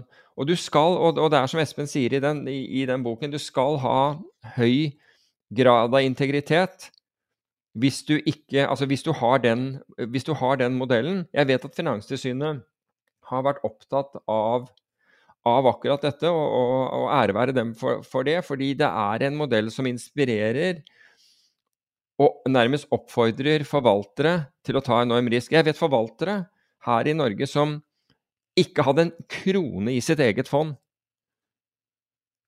og som, og som gamblet og, og, gjorde det motsatte av, av, hva man fortalte for egentlig øh, øh, investorene, og, gikk, og, hvor det, og, hvor det, gikk gærent i 2008. Og da bare gikk fra hele greia og lot noen andre overta. Så, så du kan si at har man Altså hvis man utsetter seg som investor for den modellen, så skal du være ganske sikker på Og det er jo det Finanstilsynet mener å gjøre, fordi de krever at du beskriver investeringsprosessen din og hva du driver med, veldig nøye, slik at man kan ettergå det hvis du ikke har gjort det du, det, det du har sagt du skulle gjøre. Det er jo En av de vakreste tingene med hedgefond er jo nettopp modellen det at forvalterne forventer å ha en betydelig del av sin personlige formue i ja. fondet. Men, det, men det, det, er de som sier at de har det uten å ha det osv. Men, men du kan si at uh, vi hadde jo våre, våre fond uh, registrert i Irland. Og der har du altså det, I Norge så kreves det jo ikke at du har en administrator. I Norge har, har man la, un, utlatt det, og det skjønner jeg ikke. Vi hadde, jo, vi hadde jo eh, administrator og custodian, så custodian satt på alle verdiene til fondet. Og det er jo trygt, fordi det er ikke en eller annen som plutselig eh, drar av gårde til Benin med pengene dine. Um, så, så, de eies ikke av deg, men de eies da av en, en custodian, og det er, en, det er, jo en bank. Og så hadde vi en administrator som, som, så hver eneste handel vi gjorde, og ville påpeke og spørre altså ikke, ikke på daglig, De så på daglig basis alt vi gjorde, og de beregnet jo også verdiene, men de kunne da stille oss spørsmål ved om vi var innenfor eller utenfor med en eller annen, en eller annen uh, investering. Og det var på, på, et sånt nivå at, må, at du, du kunne ikke ha du kunne ikke ha for mye cash hos én bank, selv om den var trippel A. Så hvis vi hadde penger hos, vi, hos JP Morgan måtte, og hadde for mye av pengene våre der, så måtte vi flytte deler f.eks. til Barclays eller et eller annet sånt. Så, så det, er, det, er, en forhold det, det er, altså Hvor et hedgefond er registrert, også betyr noe. Men denne, denne boken, 'Hedgehogs', er, er, faktisk, er, faktisk, veldig god, for den da beskriver denne Brian Hunter, som da, eh, som da, er en trader i naturgass, og hvordan han gjør det. Det beskriver flere av dem. Men hvordan han Altså, han plutselig får Det var også sånn der 100 millioners eh, eh, bonus for, for, på, grunn av, av inntekter han skapte men som da bare økte og økte og begynte å, å, å, å, fantasere om å tjene en milliard dollar et år, og så går det gærent. Så, og det er en kjempehistorie, egentlig. Altså, den er veldig kjent i, innenfor, innenfor finans- og hedgefondverden, men for de som ikke kjenner den, så, så er dette en, en, interessant bok å lese. Nei, dette er akkurat det, det tidspunktet altså i årsskiftet, eller tusenårsskiftet hvor liksom det kommer til utrolig mye hedgefond, og hvor, hvor Espen eh, påpeker da at det er langt ifra eh, eh nok Altså så mange så mange smarte mennesker som det er, som det er hedgefond. Altså det er, det er, en mangel på, på, på smarte mennesker. Det fins ikke så mye gode ideer og så mye smarte mennesker som det er, som det er fond der ute. Det er, det, og det er vel en observasjon som, som, som kommer til å stemme veldig godt. Jeg tenkte jeg skulle gi en liten uh, Black Swan-advarsel. Uh, ikke Black Swan akkurat, men det etter midnatt jeg, jeg, klarer ikke å finne tilbake til akkurat nå, men etter midnatt så kom det en flash jeg så som ble delt fra Wiren, eh, om at Russland vil gjenstarte forhandlinger med Ukraina. OK. Jeg bare det var veldig spesielt at det kom ut etter midnatt. Det betyr midt på natta i Russland. Ja, nettopp. Var bare, bare en Jeg, ting jeg har ikke er sett det gjengitt, men nå har ikke jeg fått med meg eh, nyheter i dag, fordi eh, jeg var Ja, Jeg aner ikke om Altså, jeg bare Ja, nei eh, Men det at de tar Altså ønsker å gjenstarte, og kanskje det er det som er knytta til å få ut korn eller et eller annet. Eh, så det var All Arabia har det i hvert fall. Mm -hmm. Uh, Russia's lead negotiator in peace talks with Ukraine said on Sunday that Moscow is willing to resume negotiations, but Kiev has to make the first step. Det var nyhetsbyrået TESS som var Altså, markedene, markedene startet jo til, oppsiden, på, i hvert fall på futures, og, men, men så begynte det å, liksom, å, å, falle av litt. Det var det siste jeg så. Men, uh, Men ikke- det ville jo vært en veldig overraskelse hvis de klarer å få til en midlertidig eh, våpenhvile eller et eller annet. Ja, det, ja absolutt. det er vanskelig. Altså, så hvis du står og ligger feil når noe sånt kommer, så kan du bare pakke ut og gå hjem og legge det. Mm. Så eh, det er greit å ha det i bakhodet. Men, men det betyr ikke at vi nødvendigvis er nær en bunn nå. Kan jo avslutte med mm, den eh, Schiller P-indeksen som eh, Kan hete han gamle rentestrategen? Glemte jeg hva han heter. Pål Ringholm? Pål Ringholm, ja. Mm. Han delte det. Han er jo artig på kar på Twitter, jeg må jo si at uh, han er uh, Han er interessant å følge og deler alltid masse artige charts. Og, uh, og han delte Schiller P-indeksen. Og den er nå, når du, folk liksom sier ja, nå, nå har ting falt så mye, nå, nå kan vi begynne å kjøpe. Og den er nå på nøyaktig toppen av 1929-nivå. ja, ja, den så jeg. Jeg så den et eller annet. eh, Noen andre gjengi den også. Den er akkurat der hvor det, hvor det smalt i 1929. Den har, kommet ned til det nivået som hvor det smalt i 1929. Det er betryggende i seg selv. så eh, du kan jo ha det med Jeg legger det med i nyhetsbrevet, det chartet også. Og eh, ja. Men man, skal bare se på at altså, det fins alltid muligheter. Man må bare være våken for dem, og selvfølgelig ikke så bundet opp finansielt at man ikke. Man ikke kan manøvrere. Uh, Å skalere inn via f.eks. opsjoner innen investeringer Mm. vil jo redusere risken, f.eks. en sånn type strategi. ja, det kan også gjøre. Så. Men skal vi runde av og Vi har jo noen mulige intervjuer som vi har lina opp som er ganske heftige. Mm. Så hvis vi får det eh, klart, så kan det være at vi legger det ut som en egen episode på Patron denne uka. Mm. Eh, det er to eh, ganske spenstige, spenstige folk som har sagt ja, så vi får se. Yes. Ses om ei uke hvis ikke. Fins alltid muligheter.